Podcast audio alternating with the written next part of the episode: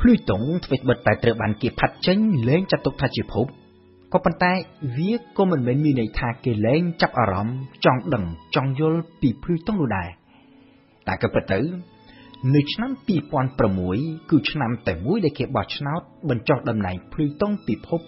ទៅជាកូនភពទីភ្នាក់ងារ NASA របស់អាមេរិកក៏បានបាច់បង្ហោះយានគ្មានមនុស្សបើកមួយគ្រឿងផងដែរដើម្បីទៅសិក្សាលម្អិតអំពីភ្លឺតុង ចាប់តាំងពីក្រោយពេលដែលត្រូវបានគេរកឃើញនៅឆ្នាំ1930ការសិក្សាទៅលើភ្លឺតុងតាមរយៈការសង្កេតដោយផ្ទាល់ពិភពផែនដីរបស់យើងនេះទៅគឺតែងតែជារឿងដ៏សែនស្មុគស្មាញដោយសារតែភ្លឺតុងមានទំហំតូចហើយម្យ៉ាងទៀតស្ថិតនៅឆ្ងាយពីផែនដីរបស់យើងការសង្កេតមើលភ្លឺតុងគឺត្រូវការ telescope ទំនើបទំនើប ហើយសូម្បីតែតាមរយៈ telescope ទំនើបនៅក្នុងទីអវកាសគឺ telescope អវកាស Hubble ក៏គេពិបាកនឹងផ្ដិតយករូបភាពភ្លឺតុងបានយ៉ាងលម្អិតច្បាស់នោះដែរហើយដូច្នេះហើយបានជាមានភាពស្រពិចស្រពិលជាច្រើនដែលគេនៅតែមិនទាន់អាចដឹងច្បាស់អំពីភ្លឺតុងជាពិសេសគឺតកតងទៅនឹងសន្តានដីរបស់ភ្លឺតុងនៅក្នុងរយៈពេលជាច្រើនទសវត្សរ៍នៅក្នុងពេលដែលភពទាំងអស់នៅក្នុងប្រព័ន្ធព្រះអាទិត្យរបស់យើងនេះ សិតតែត្រូវបានមនុស្សយើងបញ្ជូនយានទៅហោះកាត់ថតយករូបភាពនិងសិក្សាលម្អិតភ្លឺតុងវិញក៏ដូចជាវត្ថុផ្សេងទៀតនៅក្នុងតំបន់ខ្សែក្រវ៉ាត់គីប៉ែគឺនៅជាតំបន់យ៉ាងដាច់ស្រយាលមួយ ឆ្ងាយប្រៀបដូចជាជើងមេឃដែលមិនមានយានណាធ្វើដំណើរទៅដល់តែក៏ពិតទៅសូម្បីតែយាន Voyager ដែលធ្វើដំណើរបានយ៉ាងឆ្ងាយរហូតចេញទៅដល់ព្រំដែននៃប្រព័ន្ធព្រះអាទិត្យរបស់យើងនោះ ក៏មិនបានហោះកាត់និងសិក្សាលម្អិតទៅលើភ្លឺតុងនោះដែរដោយបានហោះកាត់ភពឆ្ងាយបំផុតត្រឹមភព Neptune តែប៉ុណ្ណោះហើយដូច្នេះហើយបានជាអ្នកវិទ្យាសាស្ត្រមួយក្រុមរបស់ NASA បានព្យាយាមជំរុញឲ្យមានបេសកកម្មថ្មីមួយទៀតដើម្បីបញ្ជូនយានទៅសិក្សាលម្អិតអំពីភ្លឺតុងនិងតំបន់ខ្សែក្រវ៉ាត់គីប៉ែហើយយាននេះត្រូវបានគេឲ្យឈ្មោះថា New Horizon ដែលមានន័យជាខ្មែរថាជើងមេឃថ្មី New Horizon គឺជាយានដែលមានទំហំតូច ត្រឹមប្រមាណពី2ទៅ3ម៉ែត្រហើយមានទម្ងន់ស្រាលត្រឹមប្រមាណជា500គីឡូក្រាមក៏ប៉ុន្តែមានភ្ជាប់ទៅដោយឧបករណ៍វិទ្យាសាស្ត្រទំនើបទំនើបជាពិសេសគឺកាមេរ៉ាដែលអាចថតយករូបភាពយ៉ាងច្បាស់និងយ៉ាងលម្អិតអំពីសន្តានដីរបស់ភ្លឺតុង New Horizon ត្រូវបាន NASA បាញ់បង្ហោះនៅថ្ងៃទី19ខែមករាឆ្នាំ2006 ហើយនៅក្រៅពេលបាញ់បង្ហោះចេញផុតពីផែនដីរបស់យើងនេះទៅ New Horizon នេះធ្វើដំណើរក្នុងល្បឿនរហូតដល់ទៅជិត60000គីឡូម៉ែត្រក្នុង1ម៉ោងពោលគឺជាយានដែលមានល្បឿនលឿនជាងគេបំផុតនៅក្នុងប្រវត្តិសាស្ត្រលឿនរហូតអាចធ្វើដំណើរចេញទៅដល់គន្លងតារាវិថីរបស់ព្រះច័ន្ទដោយប្រើរយៈពេលត្រឹមតែប្រមាណជា6ម៉ោងប៉ុណ្ណោះធៀបទៅនឹងយានកាលពីសម័យអាប៉ូឡូដែលត្រូវចំណាយពេលរហូតដល់ទៅ3ថ្ងៃឯណោះ នៅខែមេសា ប្រមាណជា3ខែក្រោយបាញ់បង្ហោះ New Horizon បានធ្វើដំណើរចេញទៅហួសគន្លងតារាវិថីរបស់ភពអង្គារហើយជាមួយឆ្នាំក្រោយការបាញ់បង្ហោះក្រោយពីបានធ្វើដំណើរឆ្លងកាត់តាមតំបន់ខ្សែក្រវ៉ាត់អាចផ្កាយ New Horizon ក៏បានហោះកាត់ភពប្រហ័សហើយបានប្រើកម្លាំងទំនាញដ៏សម្បើមរបស់ភពប្រហ័សនេះដើម្បីបង្កើនល្បឿនឲ្យកាន់តែលឿនបន្ថែមទៀត ទៅតាមយន្តការមួយដែលគេឲ្យឈ្មោះជាភាសាអង់គ្លេសថា Gravity Assist ហើយដែលបានជួយឲ្យ New Horizon អាចកាត់បន្ថយរយៈពេលធ្វើដំណើរបានរហូតដល់ទៅប្រមាណជា3ឆ្នាំពេញក៏ប៉ុន្តែបើទោះបីជាក្នុងលឿនយ៉ាងលឿនបែបនេះក៏ដោយ New Horizon ត្រូវចំណាយពេលរហូតដល់ទៅ9ឆ្នាំឯណោះទើបអាចធ្វើដំណើរទៅដល់ព្រីតុងនៅឆ្នាំ2015ហើយនៅពេលទៅដល់នោះ New Horizon ក៏មិនមានធម៌ពលគ្រប់គ្រាន់ដើម្បីអាចបន្ថយល្បឿនហោះចូលទៅក្នុងគន្លងតារាវិថីឬក៏ចោះចតនៅលើព្រីតុងបាននោះដែរដោយបានត្រឹមតែហោះកាត់តែប៉ុណ្ណោះក៏ប៉ុន្តែទោះជាយ៉ាងណាបើទោះបីត្រឹមតែហោះកាត់បែបនេះក៏ដោយ New Horizon បានប្រម៉ែប្រមូលទិន្នន័យបានយ៉ាងច្រើនដែលអាចឲ្យគេសិក្សាបានយ៉ាងលម្អិតអំពីព្រីតុង ដែលគេមិនធ្លាប់បានដឹងកាលពីមុនជាពិសេសគឺថតយករូបភាពយ៉ាងច្បាស់និងយ៉ាងលម្អិតអំពីសន្តានដីរបស់ព្រីតុងនេះគឺជារូបភាពរបស់ភ្លឺតុងដែលគេធ្លាប់ស្គាល់ពីមុន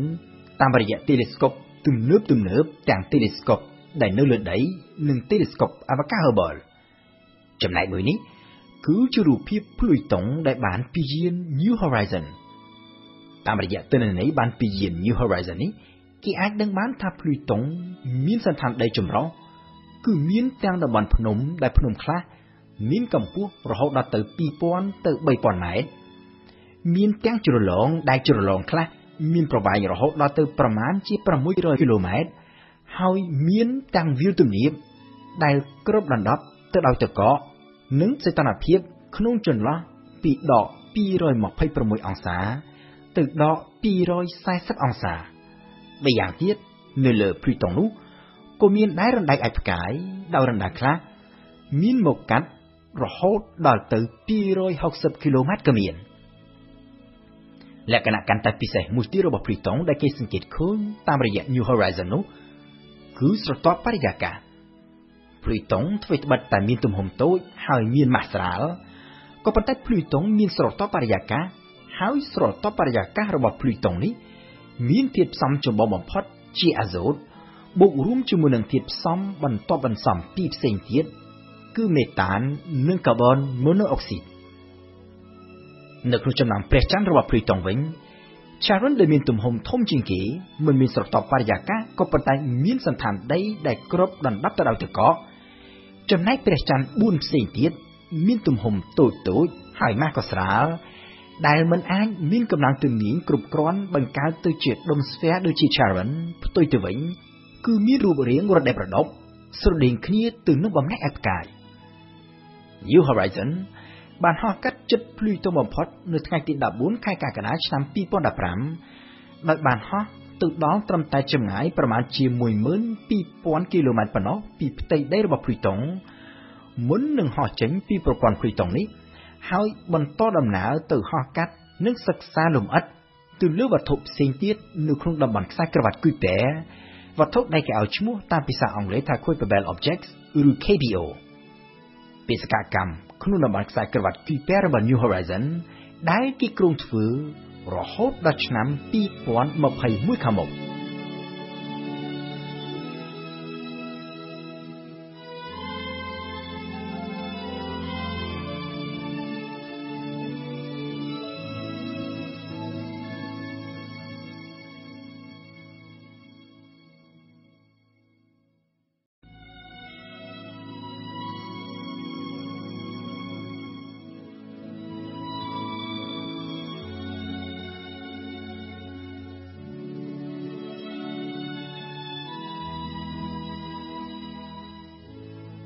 នៅក្នុងរយៈពេលប៉ុន្មានសតវត្សចុងក្រោយនេះចំណេះដឹងរបស់មនុស្សជាតិយើងទៅលើចក្រវាឡមានការវិវត្តយ៉ាងលឿនទៅមុខគឺចាប់តាំងពីការយល់ឃើញថាផែនដីជាចំណុចកណ្ដាលនៃចក្រវាឡវិវត្តទៅដល់ការរកឃើញ Galaxy រាប់ពាន់លានដោយនៅក្នុង Galaxy នីមួយៗមានពេញទៅដោយផ្កាយដូចជាព្រះអាទិត្យរបស់យើងនេះរហូតដល់ទៅរាប់ពាន់លានឯណោះ បាននិយាយអំពីចំនួនផ្កាយដ៏ច្រើនសន្ធឹកសន្ធាប់នៅក្នុងចក្រវាឡរបស់យើងនេះអ្នកវិទ្យាសាស្ត្រតែងតែធ្វើការប្រៀបធៀបថាប្រសិនជាផ្កាយមួយស្មើនឹងគ្រាប់ខ្សាច់មួយបើទោះបីជាគេអាចរាប់គ្រាប់ខ្សាច់ទាំងអស់នៅគ្រប់ឆ្នេរសមុទ្រនៅលើភពផែនដីរបស់យើងទាំងមូលក៏ដោយក៏ចំនួនគ្រាប់ខ្សាច់នេះនៅមិនទាន់ស្មើនឹងចំនួនផ្កាយសរុបនៅក្នុងចក្រវាឡរបស់យើងនេះបាននៅឡើយនោះដែរហើយនេះ គេនិយាយតែអំពីចក្រវាឡដែលយើងអាចសង្កេតមើលឃើញបានឬហៅថា observable universe តែប៉ុណ្ណោះជាមួយនឹងការយល់ដឹងអំពីភាពធំល្វឹងល្វើយនៃចក្រវាឡនេះសំណួរដ៏ចម្បងមួយក៏បានចោទឡើងផងដែរគឺថាតើនៅក្នុងចក្រវាឡនេះភពផែនដីរបស់យើងគឺជាកន្លែងទៅមួយគត់ដែលមានជីវិត ឬក៏ជីវិតអាចមានវត្តមាននៅកន្លែងណាផ្សេងទៀត។ នេះពេលដែលគេនិយាយដល់ជីវិតក្រៅភពផែនដីនេះគេអាចសំដៅទាំងទៅលើទម្រង់ជីវិតសាមញ្ញជាបាក់តេរី និងទាំងទៅលើទម្រង់ជីវិតជឿនលឿនដូចជាមនុស្សយើង ហើយដែលយើងតែងតែហៅដោយសាមញ្ញថាមនុស្សក្រៅភពតើតើទៅនឹងវត្តមាននៃមនុស្សក្រៅភពនេះ នៅឆ្នាំ1961តារាវិទូអាមេរិកមួយរូបឈ្មោះ Frank Drake បានបង្កើតសម័យកាលមួយដើម្បីគណនាអំពី probability ថាតើគ្រាន់តែនៅក្នុង Galaxy Milky Way របស់យើងនេះមួយអាចមានជីវិតក្រៅភពប៉ុន្មាន ដែលជាជីវិតមានអរិយធម៌ជឿនលឿនមានបច្ចេកវិទ្យាទំនាក់ទំនងឆ្លងភពហើយអាចតាក់ទងជាមួយនឹងមនុស្សយើងបានយោងតាមសម័យកាលរបស់លោក Frank Drake នេះដែលគេច្រើនហៅតាមភាសាអង់គ្លេសថា the Drake equation ចំនួនអរិយធម៌ក្រៅភព ដែលអាចមានទំនាក់ទំនងជាមួយនឹងយើងបាន គឺអាស្រ័យទៅលើកត្តាចម្បងចម្បងមួយចំនួនក្នុងនោះគឺរួមមានអត្រានៃការចាប់កំណត់ផ្កាយឬនិយាយដោយសាមញ្ញគឺអាស្រ័យថាតើនៅក្នុង Galaxy Milky Way របស់យើងនេះមានផ្កាយចំនួនប៉ុន្មានដួងតើនៅក្នុងចំណោមផ្កាយអស់ទាំងនោះ មានប៉ុន្មានភាគរយដែលជាប្រព័ន្ធផ្កាយមានភពស្ថិតនៅជុំវិញ ដូចជាប្រព័ន្ធព្រះអាទិត្យរបស់យើង ក្នុងចំណោមភពទាំងនោះទៀតសោតតើមានប៉ុន្មានភាគរយដែលមានលក្ខខណ្ឌអំណត់ផលដល់ជីវិតហើយក្នុងចំណោមភពដែលមានលក្ខខណ្ឌអំណត់ផលដល់ជីវិតនោះតើមានប៉ុន្មានភាគរយដែលមានជីវិតកើតឡើងពិតប្រាកដក្នុងចំណោមភពដែលមានជីវិតកកើតឡើងនោះតើមានប៉ុន្មានភាគរយដែលជីវិតអាចវិវត្តទៅជាទម្រង់ជីវិតជឿនលឿនមានបញ្ញាដូចជាមនុស្សអាចគេហៅថាភាសាអង់គ្លេសថា intelligent life ហើយក្នុងចំណោមជីវិតជឿនលឿនទាំងនោះតើមានប៉ុន្មានភាគរយដែលជាអរិយធម៌ជឿនលឿនរហូតអាចមានបច្ចេកវិទ្យាតាក់ទងឆ្លងទីអវកាសបានកត្តាសំខាន់ចុងក្រោយតើអរិយធម៌ជឿនលឿនអត់ទាំងនេះអាចមានវត្តមាននៅលើភពរបស់ពួកគេបានក្នុងរយៈពេលយូរប៉ុណ្ណាកត្តាចុងក្រោយនេះគឺជាកត្តាដ៏ចម្បងបំផុតមួយនៅក្នុងសម័យកាលរបស់ Drake ពីព្រោះថាតាមកាពិតទៅកាលពីមុន មានអ្នកវិទ្យាសាស្ត្រមួយចំនួនផ្សេងទៀតក៏ធ្លាប់បានលើកយកហេតុផលស្រដៀងនឹងផ្នែកខ្លះនៃសម័យកាលនេះដែរដើម្បីប៉ាន់ស្មានឃើញថាវត្តមានមនុស្សក្រៅភពគឺអាចមានច្រើនក៏ប៉ុន្តែនៅពេលនោះសំណួរដ៏ចម្បងមួយត្រូវចោទឡើងដោះស្រាយមិនចេញជាពិសេសគឺសំណួរចោទឡើងដោយអ្នកវិទ្យាសាស្ត្រអ៊ីតាលីដ៏ល្បីឈ្មោះមួយរូបឈ្មោះថា Enrico Fermi នៅឆ្នាំ1950 Enrico Fermi នៅក្នុងការជជែកជាមួយនឹងមិត្តរួមការងារបានលើកឡើងថានៅក្នុង Galaxy Milky Way របស់យើងនេះមានផ្កាយរហូតដល់ទៅរាប់រយពាន់លានឯណោះក្នុងចំណោមផ្កាយដ៏ច្រើនសន្ធឹកសន្ធាប់នេះលទ្ធភាពដែលអាចមានប្រព័ន្ធផ្កាយវិលជុំវិញដែកភពដែលមានលក្ខខណ្ឌអំណោយផលដល់ជីវិតបើទោះបីជាមាននៅក្នុងអត្រាដ៏ទូចមួយក៏ដោយក៏នៅតែអាចមានចំនួនយ៉ាងច្រើននោះដែរដូច្នេះ បើសិនជាជីវិតនៅលើភពផែនដីរបស់យើងនេះមិនមានលក្ខណៈពិសេសក៏ប៉ុន្តែផ្ទុយទៅវិញវាជាលក្ខណៈទូទៅនៅក្នុងចក្រវាលវត្តមាននៃជីវិតក្រៅភពគឺត្រូវមានច្រើនហើយដោយសារតែ Galaxy Milky Way នេះមានអាយុកាលរហូតដល់ទៅជាង10,000លានឆ្នាំពូលគឺយូរជាងអាយុផែនដីរហូតដល់ទៅជាង2ដងឯណោះដូច្នេះជីវិតក្រៅភពទាំងនេះខ្លះអាចចាប់កំណើតមុនយើងឆ្ងាយ ហើយក៏អាចមានពេលច្រើនជាងយើងឆ្ងាយក្នុងការវិវត្តទៅជាអរិយធម៌ដែលមានបច្ចេកវិទ្យាទំនើបអាចបញ្ជូនសញ្ញាឆ្លងកាត់អវកាសក្នុងរយៈចម្ងាយឆ្ងាយហើយប្រហែលជាត្រូវមានបច្ចេកវិទ្យាអាចធ្វើដំណើរឆ្លងប្រព័ន្ធផ្កាយផងក៏អាចថាបានបើសិនជាដូច្នេះមែនសំណួរដែលចាប់ឡើងថាតើហេតុអ្វីបានជាយើងមិនដែលឃើញមានភ័ស្តុតាង ឬតម្រុយអ្វីសោះ អំពីវត្តមាននៃមនុស្សក្រៅភពតើក្រៅពីមនុស្សយើងដែលនៅលើផែនដីនេះអ្នកផ្សេងទៀតនៅឯណាសំណួរនេះដែលត្រូវបានចប់ឈ្មោះថាជា Fermi Paradox ជាសំណួរដែលតាំងពីពេលនោះរហូតមកទល់នឹងពេលបច្ចុប្បន្ននេះគេនៅតែមិនទាន់អាចរកចម្លើយបានសមស្របណាមួយនៅឡើយក៏ប៉ុន្តែនៅក្នុងសម័យកាល Drake មានធាតុផ្សំចម្បងមួយដែលអាចជាគន្លឹះឆ្លើយទៅនឹងសំណួរនេះ គឺថេរវេលានៃវត្តមានអរិយធម៌នីមួយនីមួយនិយាយដោយសាមញ្ញគឺថាតើជីវិតក្រោយពីវិវត្តទៅជាអរិយធម៌ជួនលឿនមានបច្ចេកវិទ្យាអាចតកតងឆ្លងភពបានហើយតែអាចបន្តស្ថិតថេរនៅបានក្នុងរយៈពេលប្រមាណឆ្នាំតទៅមុខទៀតបើសិនជាអាចស្ថិតថេរបានក្នុងរយៈពេលខ្លី probability ដែលមនុស្សក្រៅភពអាចមានវត្តមានក្នុងអំឡុងពេលត្រួតគ្នា អាចតកតងគ្នាក៏វាមិនអាចមានច្រើននោះដែរពីព្រោះថាលំហបើទោះបីជានៅត្រឹមតែនៅក្នុង Galaxy Milky Way របស់យើងមួយនេះក៏ដោយគឺវាមានទំហំធំ ហើយពីផ្កាយមួយទៅផ្កាយមួយ គឺវាមានចម្ងាយឆ្ងាយចម្ងាយពីចុងម្ខាងទៅចុងម្ខាងទៀតនៃ Galaxy Milky Way របស់យើងនេះគឺមានរហូតដល់ទៅប្រមាណជាង100000ឆ្នាំពន្លឺឯណោះដែលនេះ មានន័យថាបើទោះបីជាគេអាចធ្វើដំណើរក្នុងលើបឿនបានលឿនស្មើនឹងលើបឿនពន្លឺក៏ដោយ គេត្រូវការពេលរហូតដល់ទៅជាង100000ឆ្នាំឯណោះទើបអាចធ្វើដំណើរពីចុងម្ខាងទៅចុងម្ខាងទៀតបានហើយបើយើងមើលលើភពផែនដីរបស់យើងនេះមនុស្សយើងអ្វីត្បិតតែមានវត្តមានជាជីវិតមានបញ្ញាឬហៅថា intelligent life តាំងពីរាប់ម៉ឺនឆ្នាំមុនក៏ប៉ុន្តែ ទើបតែនៅក្នុងរយៈពេលប្រមាណជាជាង100ឆ្នាំចុងក្រោយនេះប៉ុណ្ណោះដែលយើងអាចមានបច្ចេកវិទ្យាតាក់ទងទំនើបដែលយើងអាចចាប់ផ្ដើមផ្សាយតាមរលកធាតុអាកាសជាលើដំបូងទើបនឹងកាលពីឆ្នាំ1895ហើយរលកសញ្ញាដែលយើងបញ្ជូនជាពិសេសទៅកាន់ទីអវកាសសំដៅទៅរកមនុស្សក្រៅភព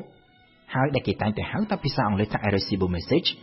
គឺយើងទើបនឹងបានធ្វើជាលើកទី1កាលពីឆ្នាំ1974ពលគឺមិនដល់50ឆ្នាំមុននេះផងនោះទេដូច្នេះបើទោះជាយើងរាប់ចាប់តាំងពីការផ្សាយតាមរលកធាតុអាកាសជាលើដំបូងក៏ដោយតម្រុយនៃវត្តមានរបស់មនុស្សនៅលើភពផែនដីយើងនេះទើបនឹងត្រូវបានផ្សព្វផ្សាយចេញទៅក្នុងទីអវកាសបានក្នុងចម្ងាយយ៉ាងច្រើនបំផុតត្រឹមប្រមាណជា100ឆ្នាំពន្លឺតែប៉ុណ្ណោះដែលនេះ វាគឺជាចម្ងាយដ៏ខ្លីសម្បើមណាស់បើធៀបទៅនឹងមុខកាត់សរុបរបស់ Milky Way ដែលមានរហូតដល់ទៅជាង100000ឆ្នាំពន្លឺយើងអាចសាកល្បងគិតមើលថាប្រសិនបើនៅក្នុង Galaxy Milky Way នេះមានមនុស្សក្រៅភពដែលចាប់កំណើតក្នុងពេលប្រហាក់ប្រហែលនឹងមនុស្សយើង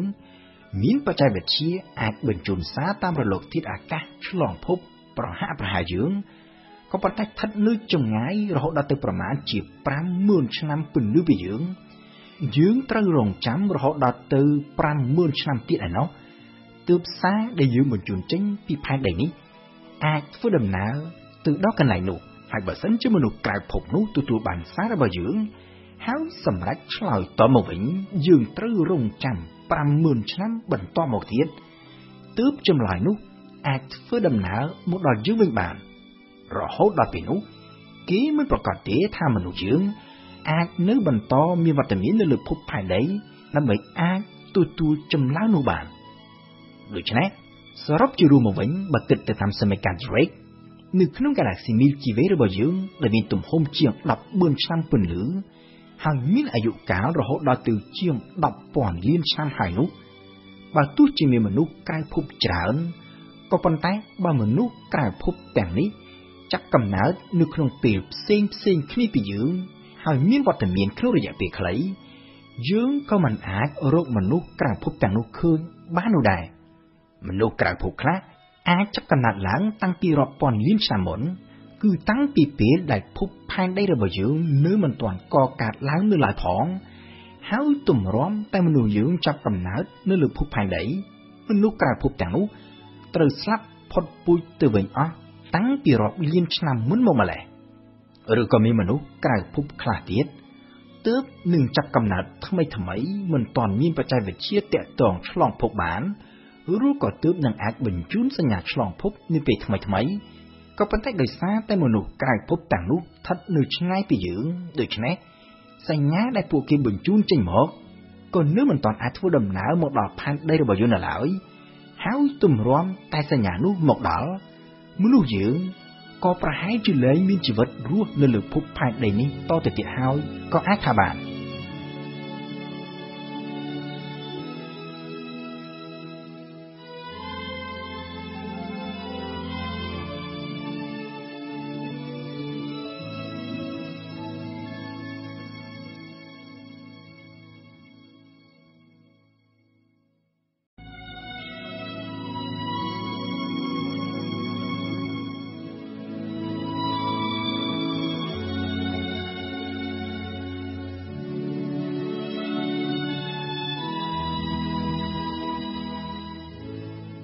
ឆ្នាំ1925តារាវិទូអាមេរិកមួយរូបឈ្មោះ Edwin Hubble បានរកឃើញថា Andromeda ដែលកាលពីមុនត្រូវបានគេសន្មតថាគ្រាន់តែជា nebula មួយនៅក្នុង galaxy Milky Way របស់យើងនោះតាមទៅពិតទៅគឺជា galaxy មួយផ្សេងដាច់ដោយឡែកហើយមែនទែនទៅចក្រវាឡរបស់យើងនេះក៏មិនមែនមានទំហំត្រឹម Milky Way ដូចអ្វីដែលមនុស្សយើងធ្លាប់គិតពីមុនមកនោះដែរអ្វីដែល Edwin Hubble បានរកឃើញនៅពេលនោះ គឺជាចំណុចចាប់ផ្ដើមដ៏សំខាន់មួយ ដែលនាំទៅដល់ការរកឃើញ galaxy ជាច្រើនផ្សេងទៀតហើយចំណេះដឹងរបស់មនុស្សជាតិយើងទៅលើចក្រវាឡក៏បានពង្រីកព្រំដែនចេញពី Milky Way រហូតទៅដល់ចម្ងាយរាប់ពាន់លានឆ្នាំពន្លឺឯណោះមកទល់នឹងពេលបច្ចុប្បន្ននេះ Edwin Hubble ត្រូវបានជាប់ឈ្មោះជាតារាវិទូដ៏ឆ្នើមមួយរូបហើយរហូតត្រូវបានគេយកឈ្មោះទៅដាក់ឲ្យ telescope អវកាស គឺ telescope អវកាស Hubble ក៏ប៉ុន្តែតាមពិតទៅអ្វីដែល Edwin Hubble បានរកឃើញនៅពេលនោះគឺវាមិនអាចធ្វើទៅរួចបានទេ ប្រសិនបើគ្មានតារាវិទូមួយរូបទៀតដែលជាទូទៅគេមិនសូវជាលើឈ្មោះច្រើន គឺលោកស្រី Henrietta Leavitt Henrietta Leavitt កើតនៅឆ្នាំ1868នៅក្នុងរដ្ឋ Massachusetts សហរដ្ឋអាមេរិកហើយក្រោយពីបានបញ្ចប់ការសិក្សាផ្នែកតារាសាស្ត្រ ពីសាកលវិទ្យាល័យ Harvard Henrietta Leavitt បានចូលធ្វើការនៅក្នុងក្រុមស្រាវជ្រាវមួយនៅសាកលវិទ្យាល័យ Harvard នោះក្រុមស្រាវជ្រាវដែលមានសមាជិកសុទ្ធតែជាស្ត្រី ហើយដែលគេស្គាល់ជាទូទៅថា Harvard Computers មុខងារចម្បងរបស់ក្រុមស្រាវជ្រាវនេះគឺធ្វើត្រឹមតែជាអ្នកវិភាគទិន្នន័យដែលបានមកពីការសង្កេតដោយ telescope តែប៉ុណ្ណោះដោយនៅពេលនោះស្ត្រីមិនត្រូវបានគេអនុញ្ញាត ឲ្យប្រើ telescope ដោយខ្លួនឯងនោះទេមែនទែនទៅសាកលវិទ្យាល័យ Harvard បានបង្កើតក្រុមស្រាវជ្រាវស្ត្រីនេះឡើង គឺដោយសារតែនៅពេលនោះទិន្នន័យដែលបានពី telescope មានបរិមាណច្រើនពេកដែលទាមទារចាំបាច់ឲ្យមានមនុស្សធ្វើការច្រើន ហើយនៅពេលនោះការជួលនៃវិទ្យាសាស្ត្រជាស្ត្រីឲ្យមកធ្វើការត្រូវបង់ប្រាក់ឈ្នួលតិចតួចបើធៀបទៅនឹងអ្នកវិទ្យាសាស្ត្រជាបរិសុទ្ធ នៅឆ្នាំ1903នៅពេលដែល Henrietta Leavitt ចាប់ផ្ដើមចូលធ្វើការ នៅក្នុងក្រុមស្រាវជ្រាវស្ត្រីនៃសាកលវិទ្យាល័យ Harvard នោះមានរៀមច្បងជាតារាវិទូដ៏ឆ្នើមម្នាក់រួចទៅហើយ គឺ Annie Cannon ដែលជាអ្នកចាត់ចំណាត់ថ្នាក់ផ្កាយទៅតាម spectroscopy នៃពន្លឺក៏ប៉ុន្តែនៅពេលនោះ Henrietta Leavitt ត្រូវបាននាយកក្រុមស្រាវជ្រាវចាត់ឲ្យទៅធ្វើការលើរឿងផ្សេងមួយទៀតគឺ ធ្វើជាអ្នកវិភាគទិន្នន័យអំពីផ្កាយដែលមានពន្លឺប្រែប្រួលជាប់ជាប្រចាំហើយដែលគេឲ្យឈ្មោះថា Cepheid ផ្កាយប្រភេទ Cepheid នេះដែលត្រូវបានគេរកឃើញជាដំបូងកាលពីឆ្នាំ1784មានលក្ខណៈពិសេសមួយ គឺវាមានពន្លឺប្រែប្រួលជាលក្ខណៈទៀងទាត់ ម្ដងភ្លឺខ្លាំងម្ដងភ្លឺតិចដោយវត្តនៃបំរែបំរួលពន្លឺនេះ ពូលគឺធរៈវេលារាប់ចាប់តាំងពីពេលពន្លឺថយចុះដល់កម្រិតទាបបំផុត រហូតទៅដល់ពេលពន្លឺកើនឡើងទៅដល់កម្រិតខ្ពស់បំផុតវាអាចមានរយៈពេលត្រឹម1ថ្ងៃសម្រាប់កាយខ្លះចំណែកផ្កាយខ្លះទៀតវាអាចមានរយៈពេលរហូតដល់ទៅរាប់ខែក៏មាននៅក្នុងអំឡុងរយៈពេលប្រមាណជា5ឆ្នាំក្នុងពេលធ្វើការនៅក្នុងក្រុមស្រាវជ្រាវស្ត្រីនៅសាកលវិទ្យាល័យ Harvard Henrietta Leavitt បានរកឃើញផ្កាយប្រភេទ Cepheid នេះរហូតដល់ទៅជាង1700ផ្កាយហើយលើកពីនេះទៅទៀតនៅឆ្នាំ1908 Henrietta Leavitt បានរកឃើញថាបំរែបំរួលនៃពន្លឺរបស់ផ្កាយប្រភេទ Cepheid នេះវាមិនមែនជារឿងចៃដន្យនោះទេក៏ប៉ុន្តែតាមពិតទៅគឺវាមានទំនាក់ទំនងជាមួយនឹងទំហំនិងកម្រិតពន្លឺពិតប្រាកដរបស់ផ្កាយ ដោយផ្កាយដែលមានវត្តនៃបំរែបំរួលពន្លឺនៅក្នុងថេរវេលាខ្លីគឺជាផ្កាយដែលមានពន្លឺតិចហើយផ្កាយដែលមានវត្តនៃបំរែបំរួលពន្លឺក្នុងថេរវេលាកាន់តែវែងគឺជាផ្កាយដែលមានពន្លឺកាន់តែខ្លាំងទ្រឹស្ដីនៃទំនាក់ទំនងរវាងបំរែបំរួលពន្លឺនិងកម្រិតពន្លឺពិតប្រាកដរបស់ផ្កាយនេះត្រូវបានគេឲ្យឈ្មោះថាទ្រឹស្ដី Leavitt ឬ Leavitt Law ហើយតាមរយៈការអនុវត្តទ្រឹស្ដី Leavitt នេះទៅលើផ្កាយប្រភេទ Cepheid ដែលគេដឹងពីចម្ងាយរបស់វារួចជាស្រេចទៅហើយ តាមរយៈការវាស់ដោយប្រើវិធី parallax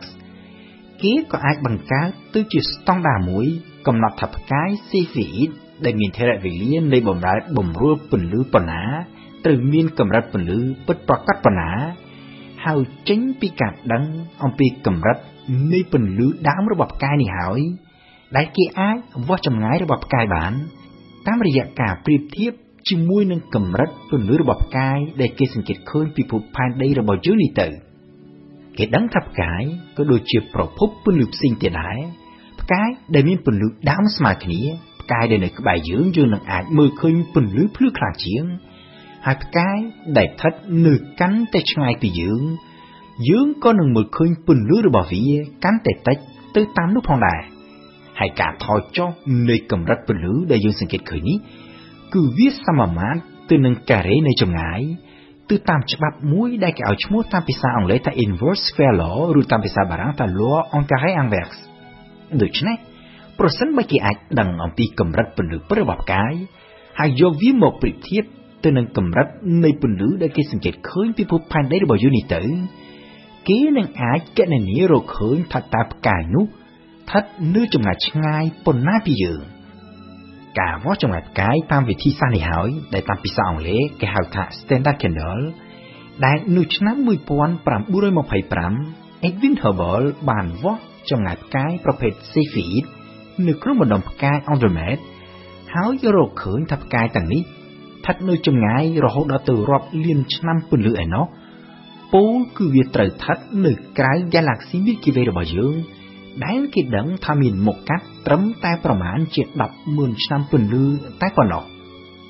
ការរកឃើញរបស់ Edwin Hubble នោះត្រូវបានគេចាត់ទុកថាជាចំណុចរបត់សំខាន់មួយនៅក្នុងចំណេះដឹងរបស់មនុស្សជាតិយើងទៅលើចក្រវាឡដែលតាំងពីរាប់ពាន់ឆ្នាំមកហើយគេគិតថាអ្វីអ្វីគឺមានតែត្រឹមក្នុង Galaxy Milky Way របស់យើងនេះតែប៉ុណ្ណោះ Edwin Hubble ដែលបានប្រើទ្រឹស្ដីរបស់ Henrietta Leavitt ដើម្បីវាស់ចម្ងាយផ្កាយក្នុង Galaxy Andromeda នេះធ្លាប់បានលើកឡើងថា Henrietta Leavitt គឺស័ក្តិសមនឹងទទួលបានរង្វាន់ Nobel ចំពោះការរកឃើញរបស់លោកស្រី ហើយសមាជិករាជបណ្ឌិតសភា Suez ក៏គ្រោងស្នើផ្ដល់រង្វាន់ Nobel ដល់ Henrietta Leavitt ផងដែរក៏ប៉ុន្តែទម្រាំតែដល់ពេលដែលគេស្នើផ្ដល់រង្វាន់ Nobel នោះ Henrietta Leavitt បានទទួលមរណភាពបាត់ទៅហើយ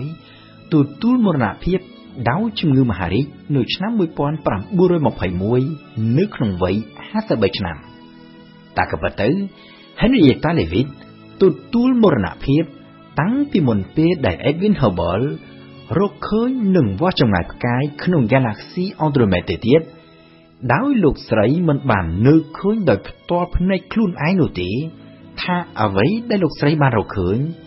វាគឺជាមូលដ្ឋានគ្រឹះដ៏ចម្បងមួយ ដែលនាំទៅដល់ការវាស់ចម្ងាយបានរាប់លានឆ្នាំពន្លឺហើយអាចឲ្យមនុស្សយើងពង្រីកព្រំដែននៃការយល់ដឹងទៅលើចក្រវាឡរហូតដល់ទៅរាប់ពាន់លានឆ្នាំពន្លឺ Henrietta Leavitt ដែលកាលពីពេលនៅរស់គ្រាន់តែជាអ្នកស្រាវជ្រាវអនាមិកម្នាក់គ្មានគេឈ្មោះហើយគ្មានទាំងសិទ្ធចុះផ្សាយស្នាដៃផ្ទាល់ខ្លួនឯងផងនោះដោយសារតែលោកស្រីគឺជាស្ត្រី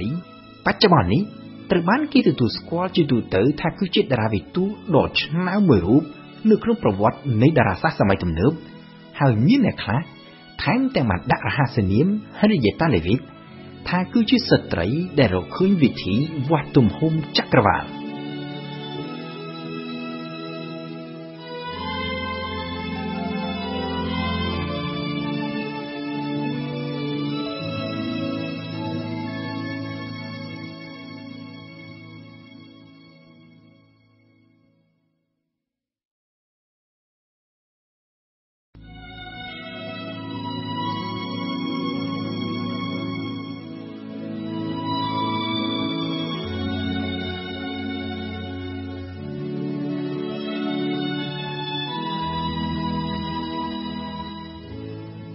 នៅក្នុងវិស័យតារាសាស្ត្របច្ចុប្បន្ននេះគេឃើញថាមានអាចកម្បាំងដ៏ធំមួយដែលជាចំណាប់អារម្មណ៍ដ៏ចម្បងរបស់អ្នកវិទ្យាសាស្ត្រគឺសារធាតុងងឹតឬហៅតាមភាសាអង់គ្លេសថា dark matter ជាសារធាតុដែលមិនបញ្ចេញពន្លឺហើយក៏គ្មានប្រតិកម្មជាមួយនឹងពន្លឺដែលជាហេតុធ្វើឲ្យយើងមិនអាចមើលឃើញបាន ហើយគិតរហូតមកទល់នឹងពេលបច្ចុប្បន្ននេះគេនៅតែមិនទាន់ដឹងនៅឡើយថាតើវាគឺជាអ្វីពិតប្រាកដ ក៏ប៉ុន្តែអ្វីដែលគេអាចដឹងបាននោះគឺដឹងត្រង់ថាវា គឺជាសារធាតុដែលមានម៉ាស់មានកម្លាំងទំនាញហើយវាមានវត្តមាននៅគ្រប់ទីកន្លែងនៅពីពេញក្នុងចក្រវាឡទាំងមូលវត្តមានរបស់វាក៏ត្រូវបានគេបញ្ជាក់យ៉ាងច្បាស់លាស់ផងដែរតាមរយៈការសង្កេតជាក់ស្ដែងហើយអ្នកដែលបានរកឃើញភ័ស្តុតាងបញ្ជាក់អំពីវត្តមាននៃសារធាតុងងឹតនេះគឺតារាវិទូអាមេរិកមួយរូបឈ្មោះ Vera Rubin តាមក៏ពិតទៅអាកំបាំងជុំវិញសារធាតុងងឹតនេះបានចាប់ផ្ដើមឡើងតាំងពីមុន Vera Rubin ទៅទៀតគឺតាំងពីអំឡុងចុងសតវត្សទី19និងដើមសតវត្សទី20មកម្លេះដោយនៅពេលនោះ Nebuchadnezzar ចាប់ផ្ដើមពីលូត Kevin នៅអង់គ្លេសនិងក្រៅមកទៀតលោកអងរីប៉ុងការ៉េនៅបារាំងបាននាំគ្នាសិក្សាទៅលើចលនារបស់ផ្កាយនៅក្នុង Galaxy Milky Way ហើយបានសន្និដ្ឋានថាបើសិនជាគេរាប់ តែម៉ាស់របស់ផ្កាយនិងគ្រប់សារធាតុផ្សេងទៀតដែលគេមើលឃើញនៅក្នុង Milky Way នេះគឺវាមិនអាចមានកម្លាំងទំនាញគ្រប់គ្រាន់ដើម្បីអាចទាញផ្កាយឲ្យនៅផ្ដុំគ្នានៅក្នុង Galaxy នេះបាននោះទេដូច្នេះគឺប្រកាសជាមានសារធាតុអ្វីផ្សេងទៀតដែលយើងមើលមិនឃើញសារធាតុចម្លែកដែលក្រោយមក Neverjessasvi ឈ្មោះ Fritz Zwicky ដាក់ឈ្មោះថាសារធាតុងងឹតឬ dark matter ក៏ប៉ុន្តែគិតរហូតមកទល់នៅពេលនោះអ្វីអ្វីគឺនៅត្រឹមជាទិសស្ដីតែប៉ុណ្ណោះដោយនៅមិនទាន់មានទិន្នន័យគ្រប់គ្រាន់ដើម្បីជាផុសតាងបញ្ជាក់ច្បាស់លាស់នៅឡើយនោះទេហើយដូច្នេះហើយបានជាសារធាតុងងឹតនេះ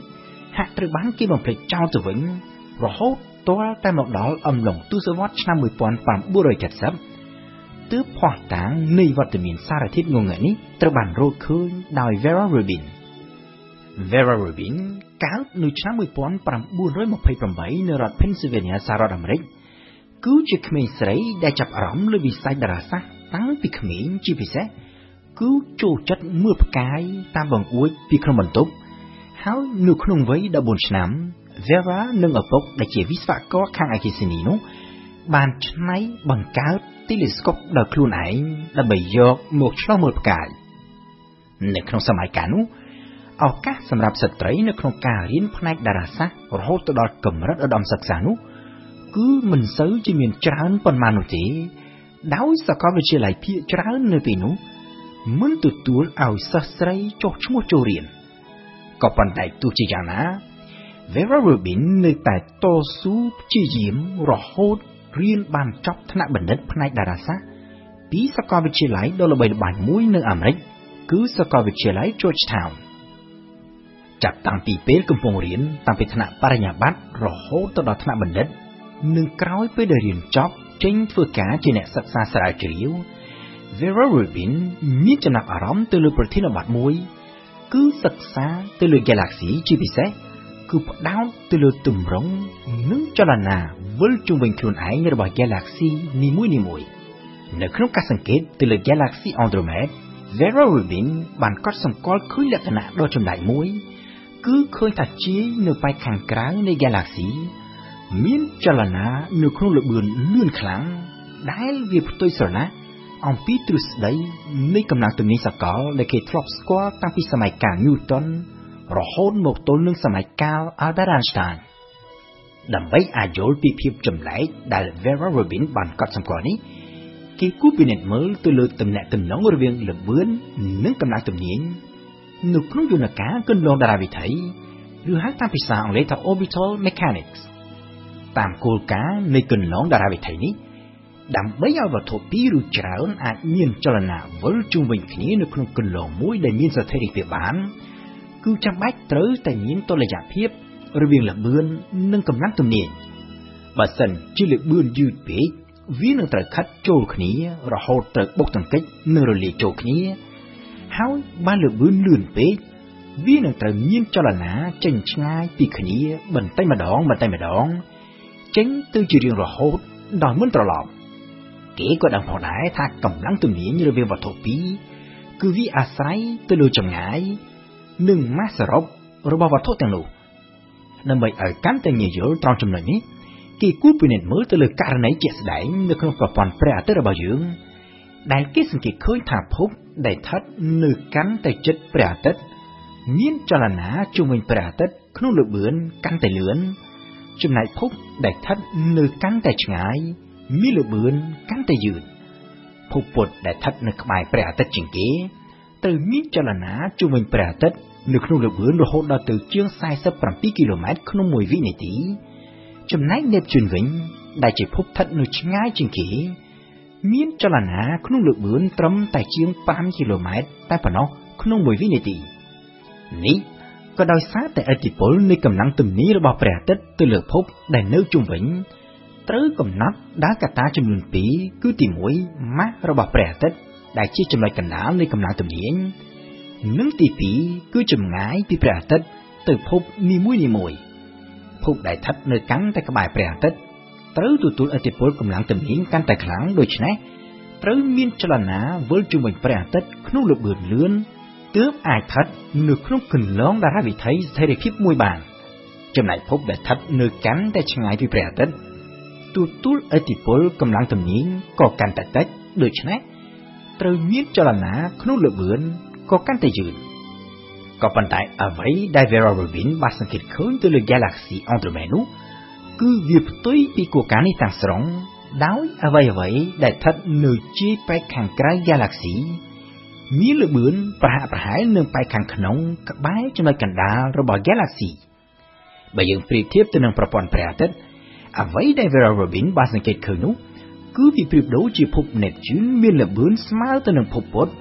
ដែលបើគិតទៅតាមម៉ាស់របស់ព្រះអាទិត្យល្បឿនលឿនស្មើនឹងភពពុទ្ធបែបនេះ ភព Neptune ដែលស្ថិតនៅឆ្ងាយពីព្រះអាទិត្យគឺប្រកាសជានឹងត្រូវមានចលនាចេញទៅក្រៅប្រព័ន្ធព្រះអាទិត្យដោយគ្មានថ្ងៃត្រឡប់នោះទេ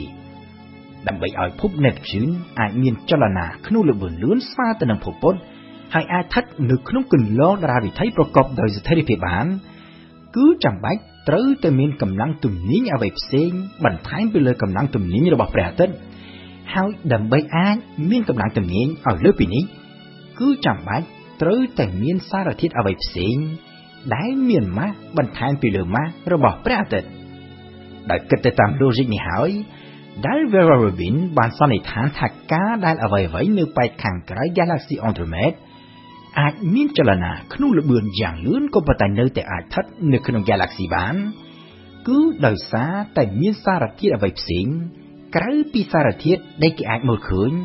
ហើយ Vera Rubin ក៏បានកណនីរកឃើញផងដែរថាសារធាតុចម្លែកនេះ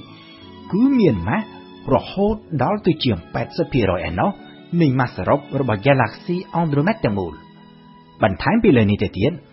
តាមរយៈការសង្កេតលំអិតបន្ថែមក្រោយក្រោយមកទៀត Vera Rubin បានរកឃើញថាសារធាតុដ៏ចម្លែកនេះវាមិនមែនមានតែនៅក្នុង Galaxy Andromeda មួយតែប៉ុណ្ណោះទេក៏ប៉ុន្តែវាមាននៅក្នុង Galaxy ជាច្រើនផ្សេងទៀត ពោលគឺវាជាសារធាតុដែលមានជាទូទៅនៅពីពេញក្នុងចក្រវាលរបស់យើងទាំងមូលអ្វីដែល Vera Rubin រកឃើញនៅពេលនោះគឺជាភស្តុតាងបញ្ជាក់យ៉ាងច្បាស់អំពីវត្តមាននៃសារធាតុងងឹតហើយអ្វីដែលធ្លាប់បានលើកឡើងត្រឹមជាទ្រឹស្ដីដែល Fitzwicki ក៏ប៉ុន្តែត្រូវបានគេបដិសេធចោលកាលពីឆ្នាំ1933កន្លងមកនោះ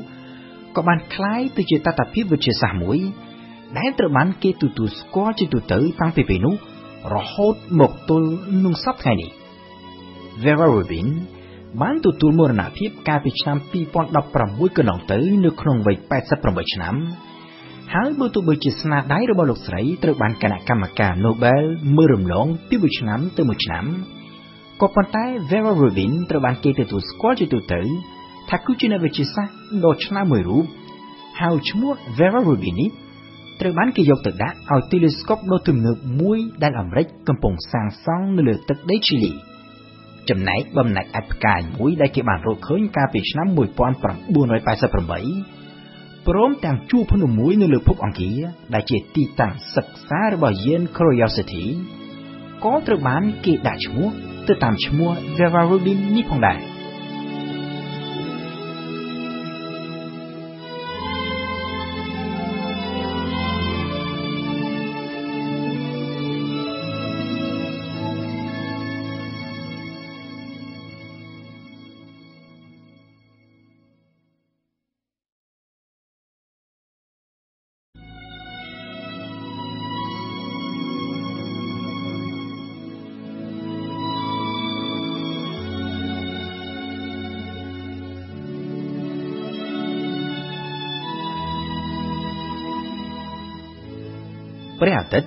គឺជាប្រភពនៃជីវិតនៅលើភពផែនដីហើយគឺជាតួអង្គដ៏សំខាន់នៅក្នុងប្រវត្តិរបស់មនុស្សជាតិយើងក៏ប៉ុន្តែកាលពីមុននៅក្នុងរយៈពេលជាច្រើនពាន់ឆ្នាំព្រះអាទិត្យស្ថិតនៅជាអាថ៌កំបាំងដ៏ធំបំផុតមួយ ដោយមិនមានអ្នកណាម្នាក់ដឹងបាននោះទេថាតើព្រះអាទិត្យគឺជាអ្វីពិតប្រាកដហើយរហូតដល់មានអរិយធម៌សម័យបុរាណមួយចំនួនគេនាំគ្នាគោរពបូជាព្រះអាទិត្យដោយចាត់ទុក ថាជាព្រះអាទិទេពរហូតទាល់តែមកដល់ដើមសតវត្សទី20ទើបគេអាចដឹងបានថាព្រះអាទិត្យរបស់យើងនេះតើក៏ពិតទៅ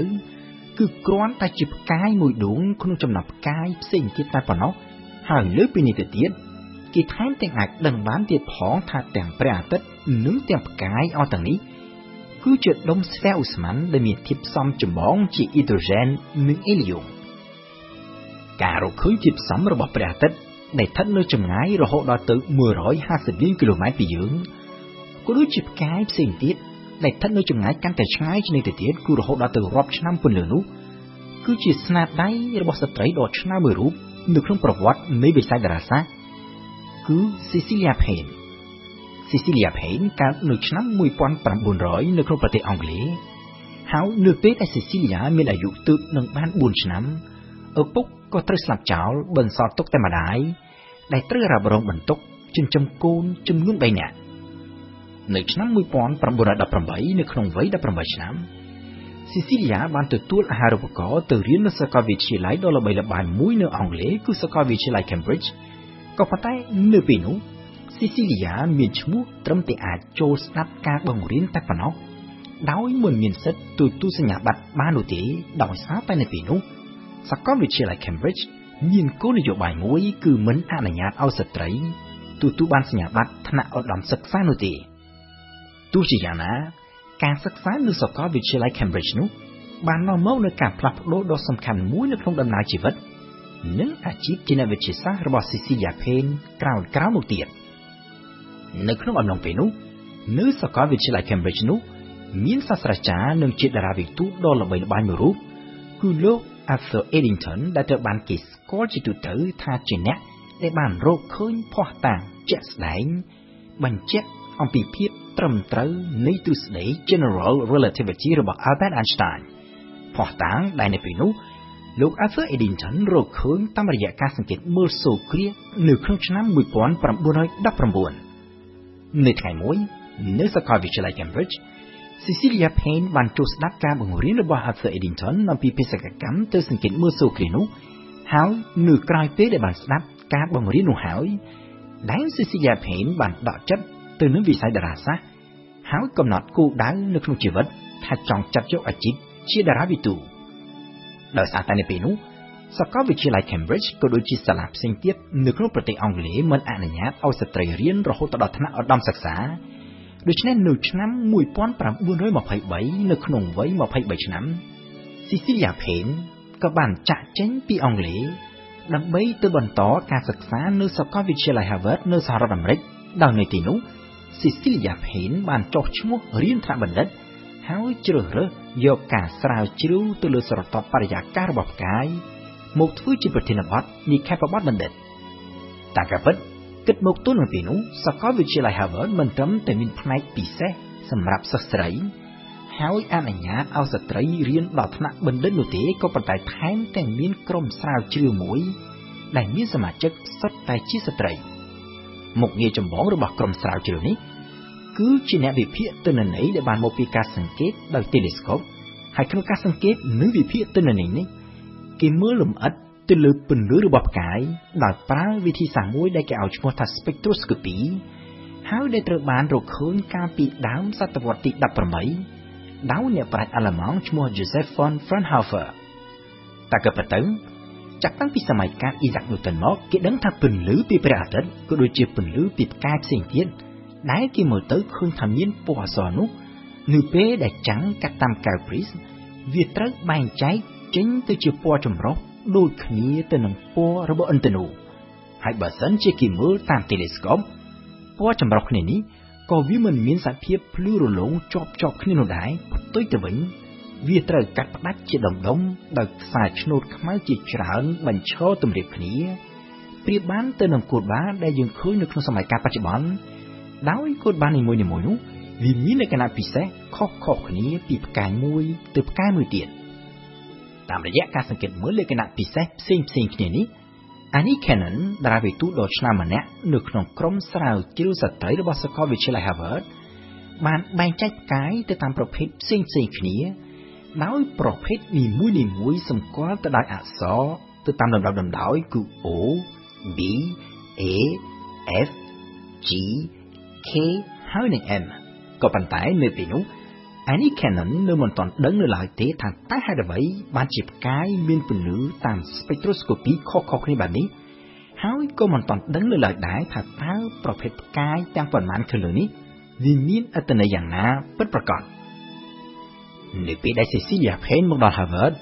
ហើយសិក្សាលម្អិតទៅលើស្រទាប់បរិយាកាសនិងសីតុណ្ហភាពរបស់ផ្កាយ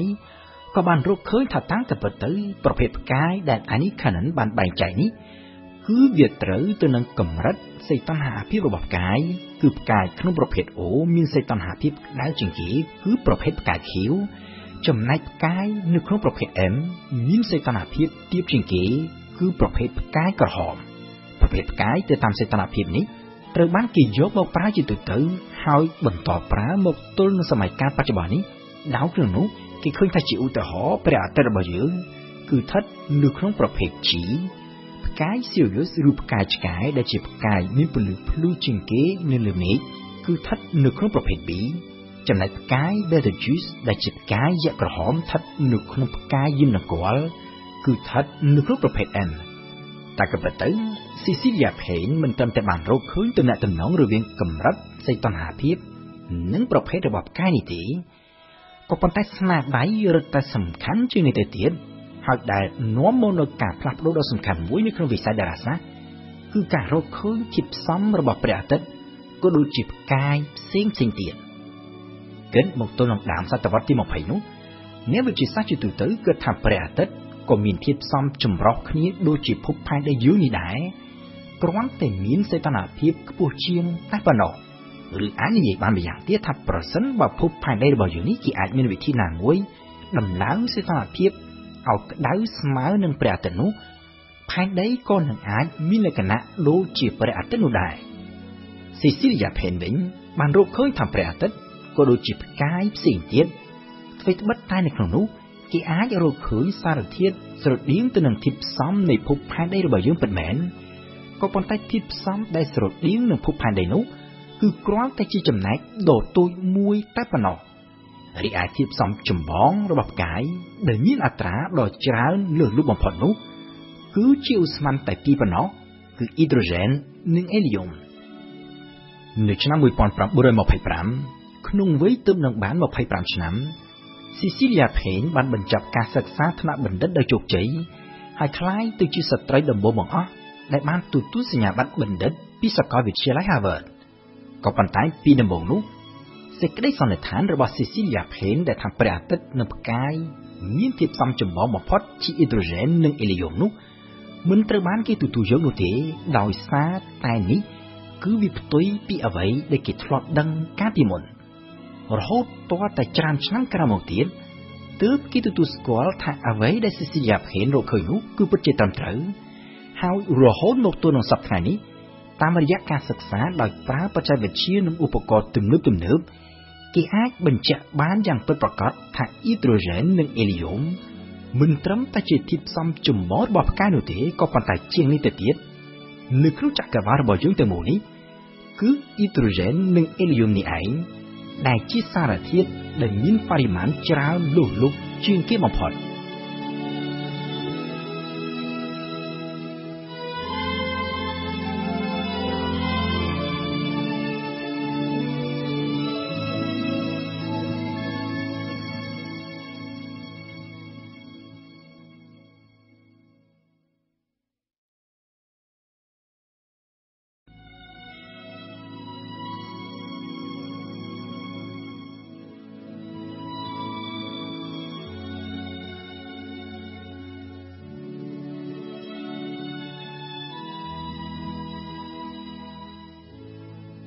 ក្នុងរយៈពេលប៉ុន្មានសតវត្សចុងក្រោយនេះចំណេះដឹងរបស់មនុស្សជាតិយើងទៅលើចក្រវាលមានការវិវត្តយ៉ាងលឿនទៅមុខគឺចាប់តាំងពីការយល់ឃើញថាផែនដីជាចំណុចកណ្ដាលនៃចក្រវាលវិវត្តទៅដល់ការរកឃើញ Galaxy រាប់ពាន់លានដោយនៅក្នុង Galaxy នីមួយៗមានពេញទៅដោយផ្កាយដូចជាព្រះអាទិត្យរបស់យើងនេះរហូតដល់ទៅរាប់ពាន់លានឯណោះ បាននិយាយអំពីចំនួនផ្កាយដ៏ច្រើនសន្ធឹកសន្ធាប់នៅក្នុងចក្រវាលរបស់យើងនេះអ្នកវិទ្យាសាស្ត្រតែងតែធ្វើការប្រៀបធៀបថាប្រសិនជាផ្កាយមួយស្មើនឹងគ្រាប់ខ្សាច់មួយបើទោះបីជាគេអាចរាប់គ្រាប់ខ្សាច់ទាំងអស់នៅគ្រប់ឆ្នេរសមុទ្រនៅលើភពផែនដីរបស់យើងទាំងមូលក៏ដោយក៏ចំនួនគ្រាប់ខ្សាច់នេះនៅមិនទាន់ស្មើនឹងចំនួនផ្កាយសរុបនៅក្នុងចក្រវាលរបស់យើងនេះបាននៅឡើយនោះដែរហើយនេះ គេនិយាយតែអំពីចក្រវាលដែលយើងអាចសង្កេតមើលឃើញបានឬហៅថា observable universe តែប៉ុណ្ណោះជាមួយនឹងការយល់ដឹងអំពីភាពធំល្វឹងល្វើយនៃចក្រវាលនេះសំណួរដ៏ចម្បងមួយក៏បានចោទឡើងផងដែរគឺថាតើនៅក្នុងចក្រវាលនេះភពផែនដីរបស់យើង គឺជាកន្លែងតែមួយគត់ដែលមានជីវិត ឬក៏ជីវិត អាចមានវត្តមាននៅកន្លែងណាផ្សេងទៀត នេះពេលដែលគេនិយាយដល់ជីវិតក្រៅភពផែនដីនេះគេអាចសំដៅទាំងទៅលើទម្រង់ជីវិតសាមញ្ញជាបាក់តេរី និងទាំងទៅលើទម្រង់ជីវិតជឿនលឿនដូចជាមនុស្សយើងហើយដែលយើងតែងតែហៅដោយសាមញ្ញថាមនុស្សក្រៅភពតកតងទៅនឹងវត្តមាននៃមនុស្សក្រៅភពនេះនៅឆ្នាំ1961តារាវិទូអាមេរិកមួយរូបឈ្មោះ Frank Drake បានបង្កើតសមីការមួយដើម្បីគណនាអំពី probability ថាតើគ្រាន់តែនៅក្នុង Galaxy Milky Way របស់យើងនេះមួយអាចមានជីវិតក្រៅភពប៉ុន្មាន ដែលជាជីវិតមានអរិយធម៌ជឿនលឿនមានបច្ចេកវិទ្យាទំនាក់ទំនងឆ្លងភពហើយអាចតាក់ទងជាមួយនឹងមនុស្សយើងបានយោងតាមសមីការរបស់លោក Frank Drake នេះដែលគេច្រើនហៅតាមភាសាអង់គ្លេសថា the Drake equation ចំនួនអរិយធម៌ក្រៅភព ដែលអាចមានទំនាក់ទំនងជាមួយនឹងយើងបាន គឺអាស្រ័យទៅលើកត្តាចម្បងចម្បងមួយចំនួនក្នុងនោះគឺរួមមានអត្រានៃការចាប់កំណត់ផ្កាយឬនិយាយដោយសាមញ្ញគឺអាស្រ័យថាតើនៅក្នុង Galaxy Milky Way របស់យើងនេះមានផ្កាយចំនួនប៉ុន្មានដួងតើនៅក្នុងចំណោមផ្កាយអស់ទាំងនោះមានប៉ុន្មានភាគរយដែលជាប្រព័ន្ធផ្កាយមានភពស្ថិតនៅជុំវិញដូចជាប្រព័ន្ធព្រះអាទិត្យរបស់យើង ក្នុងចំណោមភពទាំងនោះទៀតសោតតើមានប៉ុន្មានភាគរយដែលមានលក្ខខណ្ឌអំណត់ផលដល់ជីវិតហើយក្នុងចំណោមភពដែលមានលក្ខខណ្ឌអំណត់ផលដល់ជីវិតនោះតើមានប៉ុន្មានភាគរយដែលមានជីវិតកើតឡើងពិតប្រាកដក្នុងចំណោមភពដែលមានជីវិតកកើតឡើងនោះតើមានប៉ុន្មានភាគរយដែលជីវិតអាចវិវត្តទៅជាទម្រង់ជីវិតជឿនលឿនមានបញ្ញាដូចជាមនុស្សដែលគេហៅថាភាសាអង់គ្លេសថា intelligent life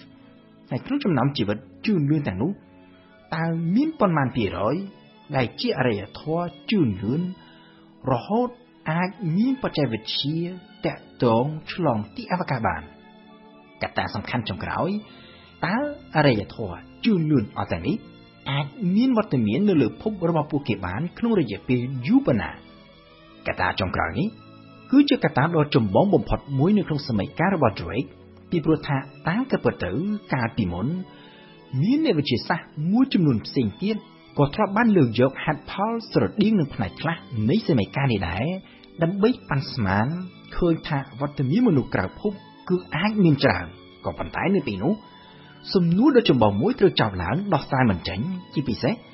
គឺសំណួរចោទឡើងដោយអ្នកវិទ្យាសាស្ត្រអ៊ីតាលីដ៏ល្បីឈ្មោះមួយរូបឈ្មោះថា Enrico Fermi នៅឆ្នាំ1950 Enrico Fermi នៅក្នុងការជជែកជាមួយនឹងមិត្តរួមការងារបានលើកឡើងថានៅក្នុង Galaxy Milky Way របស់យើងនេះមានផ្កាយរហូតដល់ទៅរាប់រយពាន់លានឯណោះក្នុងចំណោមផ្កាយដ៏ច្រើនសន្ធឹកសន្ធាប់នេះលទ្ធភាពដែលអាចមានប្រព័ន្ធផ្កាយវិលជុំវិញដៃភពដែលមានលក្ខខណ្ឌអំណោយផលដល់ជីវិតបើទោះបីជាមាននៅក្នុងអត្រាដ៏ទូចមួយក៏ដោយ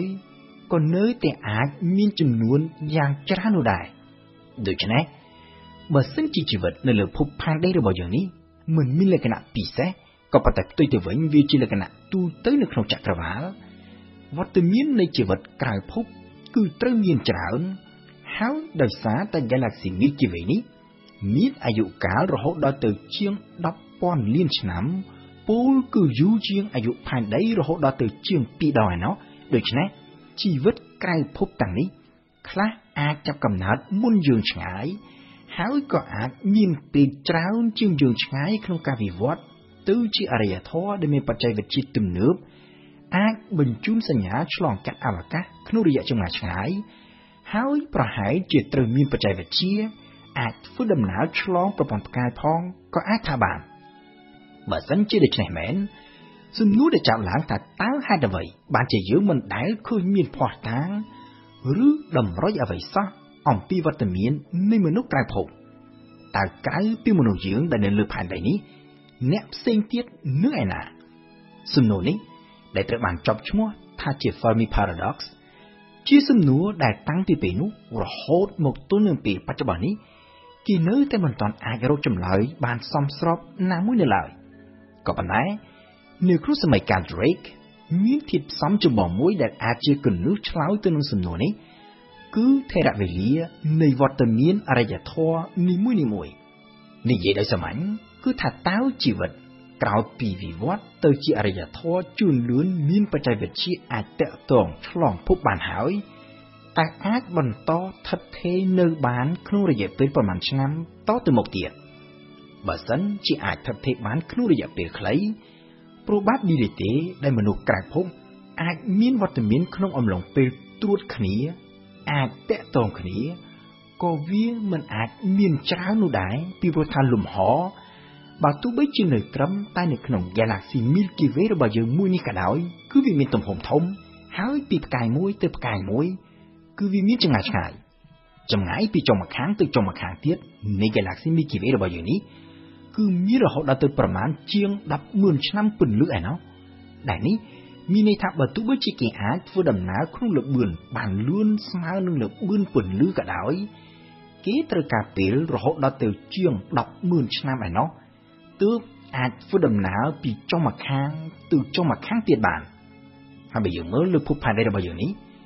មនុស្សយើងអ្វីត្បិតតែមានវត្តមានជាជីវិតមានបញ្ញាឬហៅថា intelligent life តាំងពីរាប់ម៉ឺនឆ្នាំមុន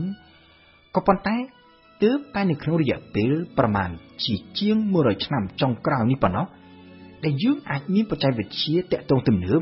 ដែលយើងអាចចាប់ផ្ដើមផ្សាយតាមរលកធាតុអាកាសជាលើដំបូងទើបនឹងកាលពីឆ្នាំ1895ហើយរលកសញ្ញាដែលយើងបញ្ជូនជាពិសេសទៅកាន់ទីអវកាស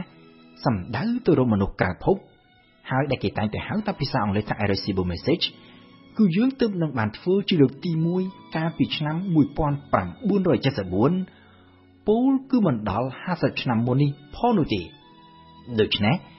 បើទោះជាយើងរាប់ចាប់តាំងពីការផ្សាយតាមរលកធាតុអាកាសជាលើដំបូងក៏ដោយតម្រុយនៃវត្តមានរបស់មនុស្សនៅលើភពផែនដីយើងនេះទើបនឹងត្រូវបានផ្សព្វផ្សាយចេញទៅក្នុងទីអវកាសបានក្នុងចម្ងាយយ៉ាងច្រើនបំផុតត្រឹមប្រមាណជា100ឆ្នាំពន្លឺតែប៉ុណ្ណោះដែលនេះ វាគឺជាចម្ងាយដ៏ខ្លីសម្បើមណាស់បើធៀបទៅនឹងមុខកាត់សរុបរបស់ Milky Way ដែលមានរហូតដល់ទៅជាង100000ឆ្នាំពន្លឺយើងអាចសាកល្បងគិតមើលថាប្រសិនបើនៅក្នុង Galaxy Milky Way នេះមានមនុស្សក្រៅភពដែលចាប់កំណើតក្នុងពេលប្រហាក់ប្រហែលនឹងមនុស្សយើងមានបច្ចេកវិទ្យាអាចបញ្ជូនសារតាមរលកធាតុអាកាសឆ្លងភពប្រហាក់ប្រហែលយើង ក៏ប៉ុន្តែស្ថិតនៅចម្ងាយរហូតដល់ទៅប្រមាណជា50000ឆ្នាំពន្លឺពីយើង យើងត្រូវរងចាំរហូតដល់ទៅ50000ឆ្នាំទៀតឯណោះទើបសារដែលយើងបញ្ជូនចេញពីផែនដីនេះអាចធ្វើដំណើរទៅដល់កន្លែងនោះហើយបើសិនជាមនុស្សក្រៅភពនោះទទួលបានសាររបស់យើងហើយសម្រេចឆ្លើយតបមកវិញយើងត្រូវរងចាំ50000ឆ្នាំបន្តមកទៀតទើបចម្លើយនោះអាចធ្វើដំណើរមកដល់យើងវិញបាន រហូតដល់ពេលនោះគេមិនប្រកាសទេថាមនុស្សយើងអាចនៅបន្តមានវត្តមាននៅលើភពផែនដីដើម្បីអាចទទួលចម្លើយនោះបានដូច្នេះសរុបជារួមមកវិញបើគិតទៅតាមសមីការ Drake នៅក្នុង Galaxy Milky Way របស់យើងដែលមានទំហំជាង14ឆ្នាំពន្លឺហើយមានអាយុកាលរហូតដល់ទៅជាង10,000លានឆ្នាំហើយនោះបើទោះជាមានមនុស្សក្រៅភពច្រើនក៏ប៉ុន្តែបើមនុស្សក្រៅភពទាំងនេះ ចាប់កំណើតនៅក្នុងពេលផ្សេងផ្សេងគ្នាពីយើង ហើយមានវត្តមានក្នុងរយៈពេលខ្លី យើងក៏មិនអាចរកមនុស្សក្រៅភពទាំងនោះឃើញបាននោះដែរមនុស្សក្រៅភពខ្លះអាចចាប់កំណត់ឡើងតាំងពីរាប់ពាន់លានឆ្នាំមុនគឺតាំងពីពេលដែលភពផែនដីរបស់យើងនៅមិនទាន់កកើតឡើងនៅឡើយផងហើយទម្រាំតែមនុស្សយើងចាប់កំណើតនៅលើភពផែនដីមនុស្សក្រៅភពទាំងនោះត្រូវស្លាប់ផុតពូជទៅវិញអស់ តាំងពីរាប់លានឆ្នាំមុនមកម្ល៉េះឬក៏មានមនុស្សក្រៅភពខ្លះទៀតទើបនឹងចាប់កំណើតថ្មីថ្មីមិនទាន់មានបច្ចេកវិទ្យាតាក់ទងឆ្លងភពបានឬក៏ទើបនឹងអាចបញ្ជូនសញ្ញាឆ្លងភពនាពេលថ្មីថ្មីក៏ប៉ុន្តែដោយសារតែមនុស្សក្រៅភពទាំងនោះស្ថិតនៅឆ្ងាយពីយើងដូច្នេះសញ្ញាដែលពួកគេបញ្ជូនចេញមកក៏នៅមិនទាន់អាចធ្វើដំណើរមកដល់ផែនដីរបស់យើងនៅឡើយហើយទម្រាំតែសញ្ញានោះមកដល់ មនុស្សយើងក៏ប្រហែលជាលែងមានជីវិតរស់នៅលើភពផែនដីនេះតទៅទៀតហើយក៏អាចថាបាន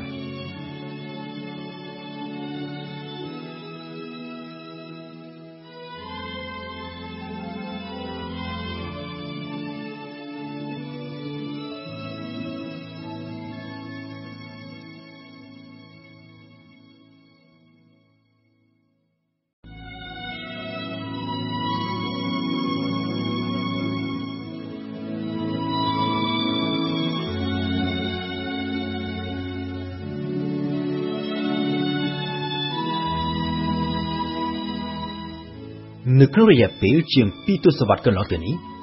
ស្ថានីយ៍អវកាសអន្តរជាតិគឺជាទីកន្លែងតែមួយគត់ដែលអនុញ្ញាតឲ្យមនុស្សយើង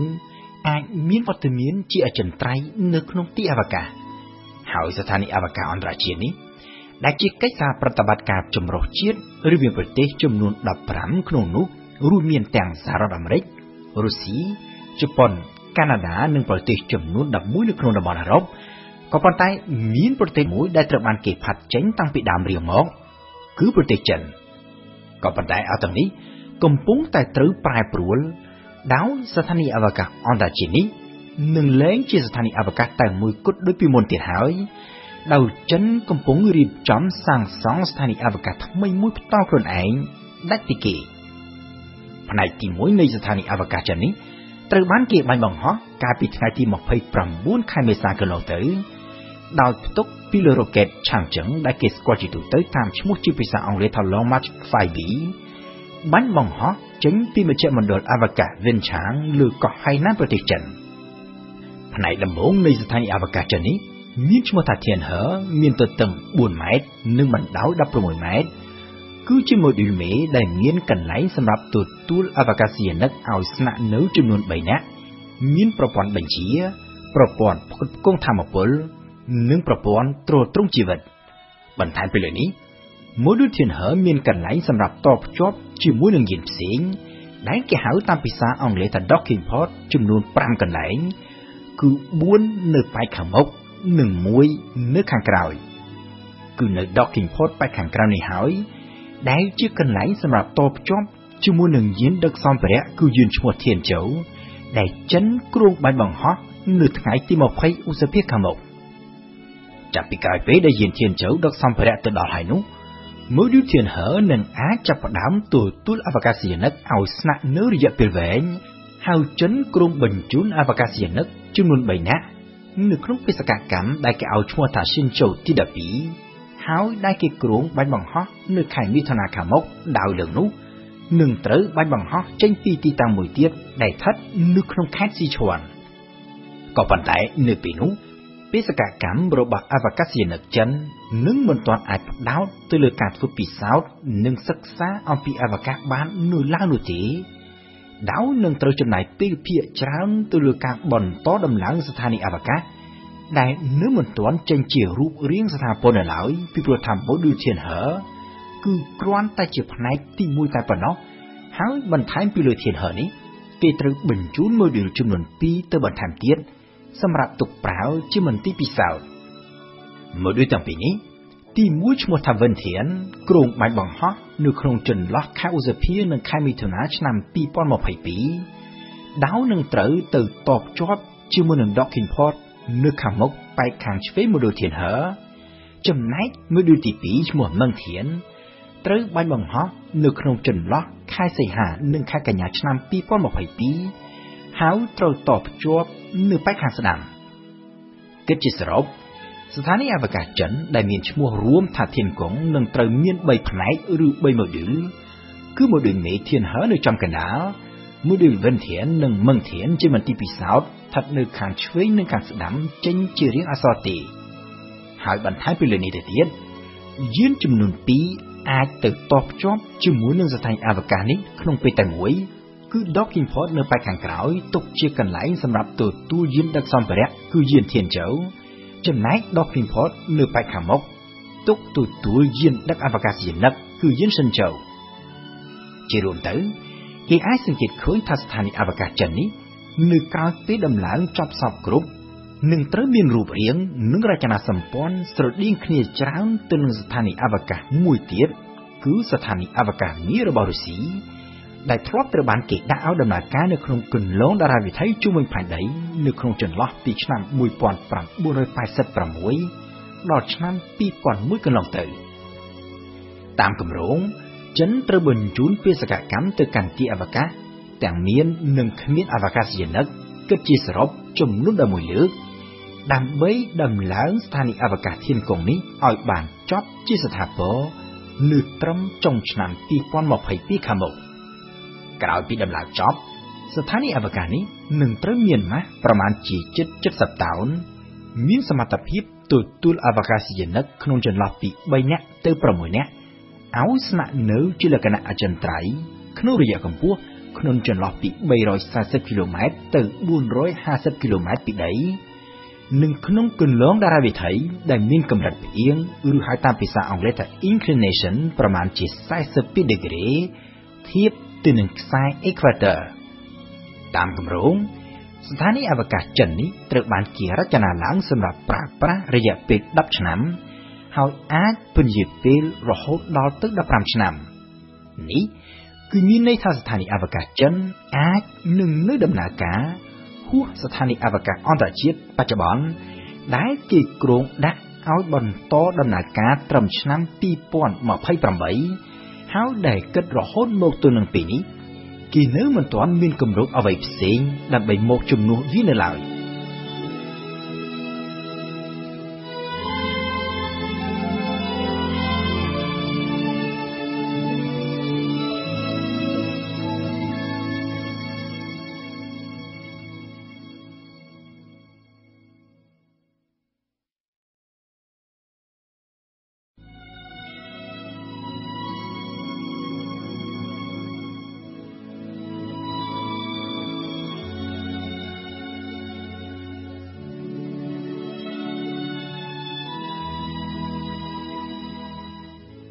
នៅថ្ងៃទី15ឧសភាកន្លងទៅនេះកម្មវិធីអវកាសចិនបានបោះជំហានជាប្រវត្តិសាស្ត្រមួយ គឺចិនទទួលជោគជ័យក្នុងការចោះចតយានប្រភេទ Rover នៅលើដីភពអង្គារជាលើកទី1គម្រោងបញ្ជូនយានទៅកាន់ភពអង្គារនេះដែលចិនឲ្យឈ្មោះថា Tianwen បានចាប់ផ្ដើមឡើងតាំងពីឆ្នាំ2016មកម្លេះគិតមកទល់នៅពេលនោះសហរដ្ឋអាមេរិកបានទទួលជោគជ័យក្នុងការបញ្ជូនយានទៅកាន់ភពអង្គារជាច្រើនគ្រឿងរួចទៅហើយ ទាំងយានហោះនៅក្នុងគន្លងតារាវិថីនិងយានប្រភេទ rover ទៅចុះចតដាច់ផ្ទាល់លើដីភពអង្គារក៏ប៉ុន្តែគម្រោងធានវិនរបស់ចិនទៅភពអង្គារវាគឺជាគម្រោងដែលមានលក្ខណៈពិសេសមិនធ្លាប់មានប្រទេសណាធ្វើពីមុនរួមទាំងអាមេរិកផងគឺចិនបញ្ជូនបេសកកម្មដល់ទៅ3ក្នុងពេលតែមួយយើងឃើញថានៅក្នុងគម្រោងទៅកាន់ភពអង្គារដែលទីភ្នាក់ងារ NASA របស់អាមេរិកធ្លាប់ធ្វើនេះពេលកន្លងមក គឺតែងតែធ្វើជាដំណាក់ដំណាក់ដោយចាប់ដើមដំបូងចេញពីការបញ្ជូនយានទៅត្រឹមហោះកាត់ដែលគេហៅតាមភាសាអង់គ្លេសថា flyby បន្ទាប់មកបញ្ជូនយានទៅហោះជុំវិញក្នុងគន្លងតារាវិថីដែលហៅតាមភាសាអង់គ្លេសថា orbiter ដំណាក់កាលទី3បញ្ជូនយានឲ្យទៅចុះចតលើដីភពអង្គារដែរក៏ប៉ុន្តែ មានតែទូយានសម្រាប់ចុះចតដែលហៅតាមភាសាអង់គ្លេសថា lander ក៏ប៉ុន្តែមិនមានផ្ទុក rover ទាល់តែក្រោយពីបានទទួលជោគជ័យនៅក្នុងគ្រប់ដំណាក់កាលទាំងអស់នេះរួចហើយទើប NASA ចាប់ផ្ដើមបញ្ជូន rover ឲ្យទៅចុះចតលើដីភពអង្គារដោយគិតជាសរុបរាប់ចាប់តាំងពីបេសកកម្មបញ្ជូនយានឈ្មោះ Mariner 4ទៅហោះកាត់ភពអង្គារជាលើកដំបូងនៅឆ្នាំ1965រហូតទៅដល់ការបញ្ជូន rover ឲ្យទៅចោះចតដោយជោគជ័យលើកដីភពអង្គារជាលើកទី1នៅឆ្នាំ1997ទីភ្នាក់ងារ NASA ត្រូវចំណាយពេលសរុបរហូតដល់ទៅ32ឆ្នាំឯណោះនៅក្នុងគម្រោងធានវិននេះវិញដែលជាបេសកកម្មលើកដំបូងបង្អស់របស់ចិនទៅកាន់ភពអង្គារចិនបញ្ជូនយានទាំង3ប្រភេទនៅក្នុងបេសកកម្មតែមួយ គឺមានទាំង orbiter សម្រាប់ហោះក្នុងគន្លងតារាវិថី lander សម្រាប់ចុះចតនិងផ្ទុកនៅលើនោះគឺ rover សម្រាប់ផ្លាស់ទីនៅលើដីភពអង្គារធានវិនត្រូវបានទីភ្នាក់ងារអវកាសចិនបាញ់បង្ហោះ កាលពីថ្ងៃទី23កក្កដាឆ្នាំ2020កន្លងទៅដោយផ្ទុកពីលើរ៉ុកេតឆាងជឹងដែលគេស្គាល់ជាទូទៅតាមភាសាអង់គ្លេសថា Long March 5បាញ់បង្ហោះចេញពីមជ្ឈមណ្ឌលអវកាសវិនឆាងនៅលើកោះហៃណានប្រទេសចិនក្រោយពីធ្វើដំណើរអស់រយៈពេល7ខែធានវិនបានទៅដល់ភពអង្គារនៅថ្ងៃទី10កុម្ភៈឆ្នាំ2021ហើយនៅពេលទៅដល់ក្បែរភពអង្គារនោះ ធានវិនបានបញ្ចេញម៉ូទ័រទៅតាមយន្តការដែលគេឲ្យឈ្មោះជាភាសាអង់គ្លេសថា Orbit Insertion Maneuver ដើម្បីបន្ថយល្បឿនឲ្យមកនៅយឺតល្មមល្មមអាចឲ្យកម្លាំងទំនាញភពអង្គារទាញយានចូលទៅក្នុងគន្លងតារាវិថីនៅក្នុងដំណាក់កាលដំបូងនោះធានវិនស្ថិតនៅក្នុងគន្លងរាងមូលត្រវែងខ្លាំងដោយចុងម្ខាងស្ថិតនៅចម្ងាយប្រមាណជា400គីឡូម៉ែត្រពីដីភពអង្គារចំណែកឯចុងម្ខាងទៀតស្ថិតនៅចម្ងាយរហូតដល់ទៅប្រមាណជា180,000គីឡូម៉ែត្រឯណោះនៅក្នុងដំណាក់កាលបន្តបន្តមកទៀតយានធានវិនបន្តបញ្ចេញម៉ូទ័រជាច្រើនលើកនិងធ្វើនៅក្នុងទីតាំងផ្សេងផ្សេងគ្នាដើម្បីសម្រួលគន្លងតារាវិថីឲ្យរួមតូចផងនិងក្នុងពេលជាមួយគ្នា បង្កើនកម្រិតអៀងនៃគន្លងតារាវិថីឬហៅតាមភាសាអង់គ្លេសថា inclination ពីកម្រិត 10ដឺក្រេឲ្យឡើងទៅដល់ជិត87ដឺក្រេធៀបទៅនឹងខ្សែ equator របស់ភពអង្គារនេះគឺមានន័យថាយានធានវិនត្រូវស្ថិតនៅក្នុងគន្លងតារាវិថីរៀងបញ្ឈរវិលកាត់ពីលើតំបន់ពោលទាំងពីរនៃភពអង្គារក្រោយពីបានចំណាយពេលជាង3ខែប្រមូលទិន្នន័យនៅក្នុងគន្លងតារាវិថីនិងជាពិសេសថតរូបភាពលម្អិតអំពីសន្តានដីភពអង្គារនៅត្រង់ទីតាំងដែលត្រូវចុះចត ធានវិនត្រូវផ្ដាច់ខ្លួនជាពីរគឺ orbiter បន្តស្ថិតនៅក្នុងគន្លងតារាវិថីចំណែកឯ lander ដែលមានផ្ទុក rover នៅលើនោះផងត្រូវចេញពីគន្លងតារាវិថីដើម្បីសម្ដៅទៅចុះចតលើដីភពអង្គារដំណើរការចុះចតយានរបស់ចិននេះក៏មិនសូវជាខុសគ្នាប៉ុន្មាននោះទេពីការចុះចតយានដែល NASA ធ្លាប់ធ្វើពីមុនគឺធ្វើទៅតាមយន្តការដែលគេឲ្យឈ្មោះជាភាសាអង់គ្លេសថា Entry Descent and Landing ហៅកាត់ថា EDL គ្រប់ដំណើរការទាំងអស់រាប់ចាប់តាំងពីពេលដែលយានផ្ដាច់ខ្លួនចេញពី orbiter ចូលទៅដល់ស្រទាប់បរិយាកាសបើកឆាត់យងបន្ថយល្បឿនដើម្បីចុះចតសន្សំសន្សំនៅលើដីគ្រប់អ្វីៗទាំងអស់ត្រូវធ្វើជាលក្ខណៈស្វ័យប្រវត្តិក្រោយពីឆ្លងកាត់ដំណាក់កាលដ៏សែនស្មុគស្មាញដែលក្រុមនៃវិទ្យាសាស្ត្ររបស់ NASA តែងតែនាំគ្នាហៅថា The 7 Minutes of Terror rover របស់ចិនដែលមានឈ្មោះថា Churong បានចុះចតដោយជោគជ័យលើដីភពអង្គារ4ថ្ងៃក្រោយពីចុះចតរូបថតដំបូងបង្អស់ដែលយាន Churong ថតនៅលើដីភពអង្គារត្រូវបានទីភ្នាក់ងារអវកាសចិនចេញផ្សាយនៅថ្ងៃទី19ឧសភាកន្លងទៅនេះតាមគម្រោងយានជូរងត្រូវបានសាងសង់ឡើងឲ្យអាចមានដំណើរការនៅលើដីភពអង្គារនោះរយៈពេល90ថ្ងៃដើម្បីសិក្សាលម្អិត អំពីធាតុផ្សំនិងសន្តានដីរបស់ភពអង្គារក្នុងពេលដែល orbiter ដែលស្ថិតនៅក្នុងគន្លងតារាវិថីបន្តប្រមូលទិន្នន័យដើម្បីបន្តសិក្សាទៅលើភពអង្គារនោះផង ហើយក៏នឹងដើរតួផងដែរជាផ្កាយរណបដើម្បីភ្ជាប់ទំនាក់ទំនងរវាងយានជូរងនិងភពផែនដី។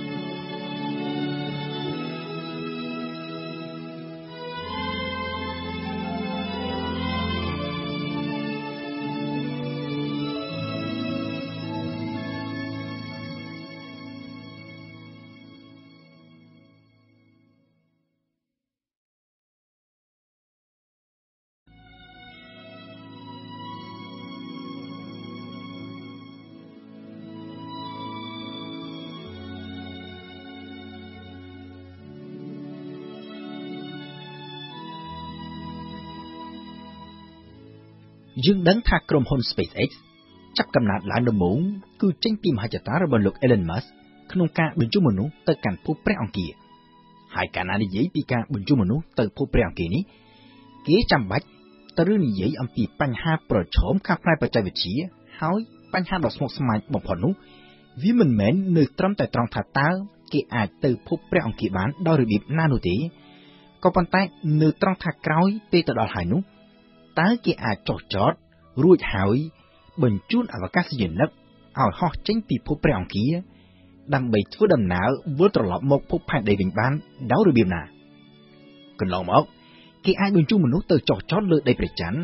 ហើយអាចវិលត្រឡប់មកផែនដីវិញបានកាលពីក្នុងអំឡុងបេសកកម្មអប៉ូឡូក៏ប៉ុន្តែភពព្រះអង្គារគឺខុសពីព្រះច័ន្ទនៅត្រង់ថាវាជាភព ដែលមានកម្លាំងទំនាញខ្លាំងជាងព្រះច័ន្ទរហូតដល់ទៅ2ដង ហើយវាមានស្រទាប់បរិយាកាសជាកម្លាំងកកិតដូច្នេះដើម្បីអាចហោះចេញផុតពីកម្លាំងទំនាញរបស់ភពព្រះអង្គារបាន គេចាំបាច់ត្រូវការប្រើយានដែលមានទំហំធំ មានម៉ូទ័រខ្លាំងហើយត្រូវប្រើអ៊ីនធឺណិតច្រើនដែលនេះវាមានន័យថាវាត្រូវមានទម្ងន់ធ្ងន់ខ្លាំងដែលត្រូវចោទជាបញ្ហា តាំងនៅពេលដែលត្រូវបាញ់បង្ហោះចេញពីភពផែនដីរបស់យើងនេះទៅតាំងនៅពេលទៅដល់ចុះចតលើដីភពព្រះអង្គារនិងទាំងនៅពេលដែលត្រូវហោះចេញពីភពព្រះអង្គារមកវិញដើម្បីដោះស្រាយបញ្ហានេះក្រុមហ៊ុន SpaceX មិនរំពឹងលើរ៉ុកែត Falcon 9ឬ Falcon Heavy និងយាន Dragon ដែលជាបច្ចេកវិទ្យាមានស្រាប់ហើយនោះទេក៏ប៉ុន្តែគេរំពឹងទៅលើគម្រោងដ៏ថ្មីស្រឡាមួយទៀត ដែល SpaceX កំពុងរៀបចំធ្វើ ហើយដោយលោក Elon Musk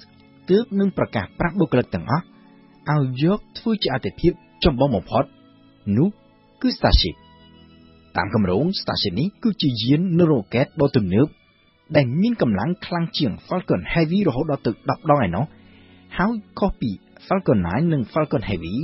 ដែលអ្វីត្បិតតែគេអាចប្រើបានច្រើនដងក៏ប៉ុន្តែប្រើបានឡើងវិញតែកំណត់ទី1 Starship វិញគឺជាប្រភេទ rocket ដែលគេអាចប្រើបានឡើងវិញ100%ចាប់តាំងពីកំណត់ទី1រហូតទៅដល់ទូយានដែលនៅខាងចុងលក្ខណៈពិសេសនៃប្រព័ន្ធ Starship ថ្មីនេះគឺកំណត់ទី2នឹងទូយានវាត្រូវនៅជាប់គ្នា បង្កើតទៅជាយានតែមួយពូលគឺខុសពីបច្ចេកវិទ្យាមុនមុនដែលកំណត់ទី2ត្រូវគេផ្ដាច់ចេញពីទូយានហើយត្រូវបោះចោលក្រោយពីបាញ់បង្ហោះរួច ចំណែកឯកំណត់ទី1របស់ Starship នេះវិញដែលជា booster ដែលគេឲ្យឈ្មោះថា Super Heavy គឺមានម៉ាស៊ីនរហូតដល់ទៅ37ពូលគឺច្រើនជាង Falcon 9ដែលមានតែ9និងច្រើនជាង Falcon Heavy ដែលមានត្រឹមតែ27លើពីនេះទៅទៀត Super Heavy នេះមិនត្រឹមតែមានចំនួនម៉ាស៊ីនច្រើនជាងនោះទេក៏ប៉ុន្តែតួម៉ាស៊ីននីមួយៗនោះក៏មានកម្លាំងយ៉ាងខ្លាំងផងដែរ ដោយម៉ាស៊ីនមួយមានកម្លាំងខ្លាំងជាងម៉ាស៊ីនរបស់ Falcon Heavy រហូតដល់ទៅជាង2ដងឯណោះកំណត់ទី1ឬ Super Heavy នេះក៏ដូចជា Rocket Falcon 9និង Falcon Heavy ដែរគឺនៅក្រោយពីបាញ់ចេញពីដីរួចហើយវានឹងត្រូវផ្ដាច់ខ្លួន ហើយវិលត្រឡប់មកចុះចតនៅលើដីវិញ ដើម្បីទុកប្រើនៅពេលក្រោយ ចំណែកឯយាន Starship ដែលមានភ្ជាប់ជាមួយដោយកំណត់ទី2នោះ ត្រូវបន្តដំណើរទៅកាន់គន្លងតារាវិថីផែនដីនិងទៅកាន់ភពព្រះអង្គារគឺយាន Starship តែមួយនេះដែលនឹងត្រូវប្រើសម្រាប់ចុះចតលើដីព្រះអង្គាររួចហើយហោះឡើងមកវិញ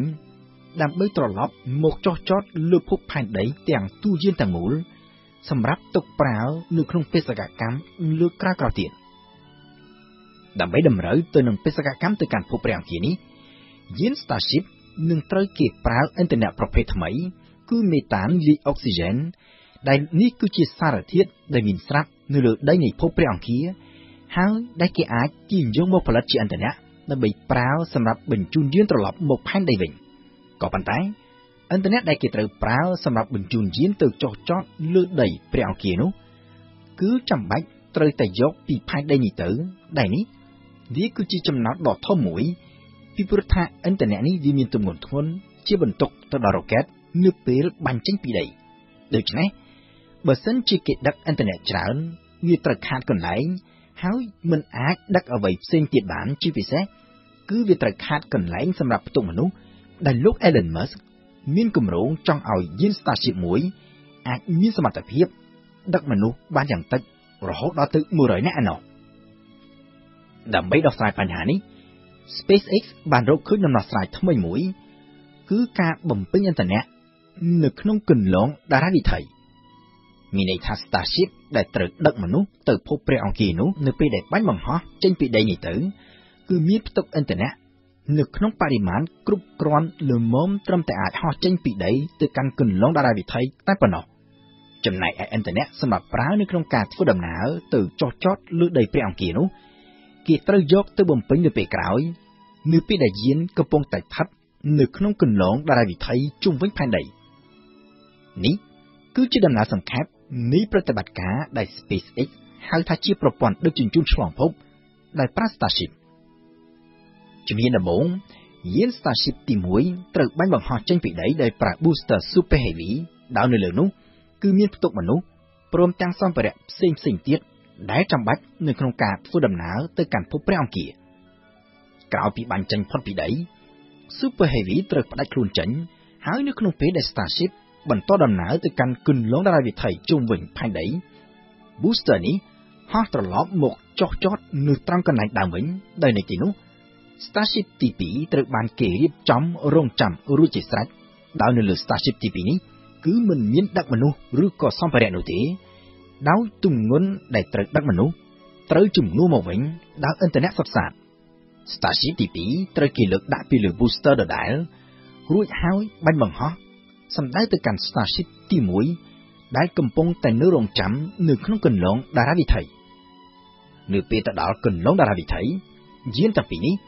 នឹងត្រូវហោះទៅភ្ជាប់គ្នានៅក្នុងយន្តការប្រហាក់ប្រហែលទៅនឹងយាន Dragon ហោះទៅភ្ជាប់ខ្លួនជាមួយនឹងស្ថានីយ៍អវកាសអន្តរជាតិដែល SpaceX ធ្លាប់ធ្វើដោយជោគជ័យជាច្រើនលើកកន្លងមកហើយនោះដែរក្រោយពីភ្ជាប់ជាមួយគ្នាហើយនោះ Starship ទី2ក៏ផ្ទេរឥន្ធនៈទៅបំពេញឲ្យ Starship ទី1 ហើយក្រោយពីផ្ទេរឥន្ធនៈអស់ហើយ Starship ទី2នេះនឹងត្រូវផ្ដាច់ខ្លួនហើយត្រឡប់មកចុះចតនៅលើដីវិញប្រតិបត្តិការបំពេញឥន្ធនៈនៅក្នុងគន្លងតារាវិថីនេះអាចនឹងត្រូវធ្វើឡើងច្រើនដងប្រហែលជារហូតដល់5ដងឯណោះរហូតតតែអាចបំពេញឥន្ធនៈបានគ្រប់គ្រាន់ទើប Starship ទី1ត្រូវបញ្ឆេះម៉ាស៊ីនហើយបង្កើនល្បឿនចេញពីគន្លងតារាវិថីផែនដី ហោះសម្ដៅទៅកាន់ភពព្រះអង្គារការធ្វើដំណើរពីផែនដីទៅកាន់ភពព្រះអង្គារនេះត្រូវចំណាយពេលប្រមាណជា6ខែក៏ប៉ុន្តែ SpaceX គ្រោងកាត់បន្ថយពេលធ្វើដំណើរនេះឲ្យមកសល់ត្រឹមតែ4ខែប៉ុណ្ណោះហើយនៅក្នុងអំណងរយៈពេលធ្វើដំណើរនេះ Starship មានបំពាក់ទៅដោយផ្ទាំងសូឡាដើម្បីស្រូបយកថាមពលព្រះអាទិត្យមកប្រើប្រាស់នៅក្នុងយាននៅពេលទៅដល់ភពព្រះអង្គារ Starship ត្រូវចុះចត ទៅតាមយន្តការដូចគ្នាទៅនឹងការចុះចតនៅលើភពផែនដីដូចនោះដែរហើយដោយត្រូវប្រើឥន្ធនៈដែលគេដឹកយកមកជាមួយពីភពផែនដីក្រោយពីចុះចតនៅលើដីភពព្រះអង្គារហើយ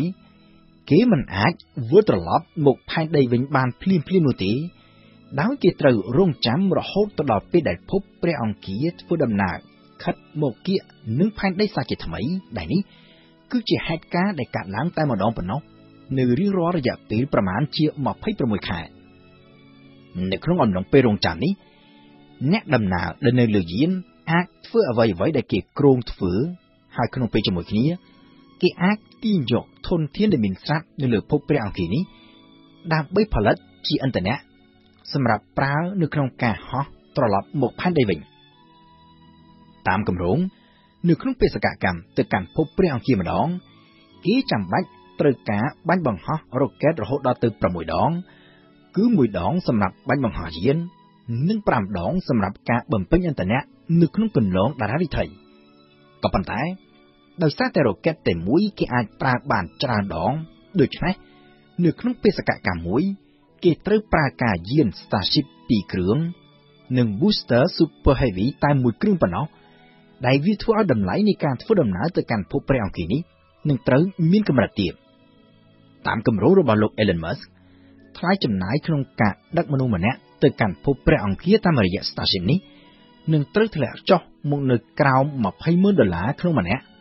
ហើយក្នុងរយៈពេលវែងទៅមុខទៀតវាអាចនឹងបន្តធ្លាក់ចុះមកនៅត្រឹមប្រមាណជា10,000ដុល្លារម្នាក់ដែលនេះវាគឺជាតម្លៃមួយយ៉ាងទាបបំផុតធៀបនឹងបច្ចេកវិទ្យាបច្ចុប្បន្នដែលត្រូវចំណាយរហូតដល់ទៅប្រមាណជា10,000លានដុល្លារ ក្នុងការដឹកមនុស្សម្នាក់ទៅកាន់ភពព្រះអង្គារលើពីនេះទៅទៀត SpaceX គ្រោងធ្វើយ៉ាងណាឲ្យ booster តែមួយដើម អាចប្រើបាន1000ដង ហើយ Starship មួយគ្រឿងអាចប្រើបាន12ដង ហើយ Starship នេះមិនត្រឹមតែអាចប្រើសម្រាប់បេសកកម្មទៅកាន់ភពព្រះអង្គារនោះទេក៏ប៉ុន្តែក៏អាចប្រើបានផងដែរសម្រាប់បេសកកម្មផ្សេងៗទៀតរាប់ទាំងការបាញ់បង្ហោះផ្កាយរណបទៅកាន់គន្លងតារាវិថីផែនដី បេសកកម្មទៅកាន់ស្ថានីយ៍អវកាសអន្តរជាតិដើម្បីជំនួសយាន Dragon បេសកកម្មទៅកាន់ព្រះច័ន្ទឬក៏នៅក្នុងរយៈពេលវែងខាងមុខទៀតអាចទៅឆ្ងាយរហូតទៅដល់ភពប្រហោះឬក៏រហូតទៅដល់ភពសៅរ៍ដូចជាទៅចោះចតនៅលើព្រះច័ន្ទរបស់ភពសៅរ៍ទីតង់ឬក៏អស់ស្លាប់ជាដើមមែនតើទៅ តាមគម្រោងរបស់លោក Elon Musk យាន Starship នេះក៏អាចនឹងត្រូវគេយកទៅប្រើបានផងដែរសម្រាប់ការធ្វើដំណើរ ពីកន្លែងមួយទៅកន្លែងមួយនៅលើភពផែនដីរបស់យើងក្នុងល្បឿនរហូតដល់ទៅប្រមាណជា27000គីឡូម៉ែត្រក្នុង1ម៉ោង Starship នេះនឹងមានល្បឿនលឿនជាងយន្តហោះបច្ចុប្បន្ននេះរហូតដល់ទៅជិត30ដងហើយអាចធ្វើដំណើរពីទីក្រុងមួយទៅទីក្រុងមួយទៀតនៅគ្រប់ទីកន្លែងនៅទូទាំងពិភពលោកនៅក្នុងចម្ងាយផ្លូវវែងប៉ុណ្ណាក៏ដោយដោយប្រើពេលយ៉ាងច្រើនបំផុតត្រឹមតែ1ម៉ោងតែប៉ុណ្ណោះ។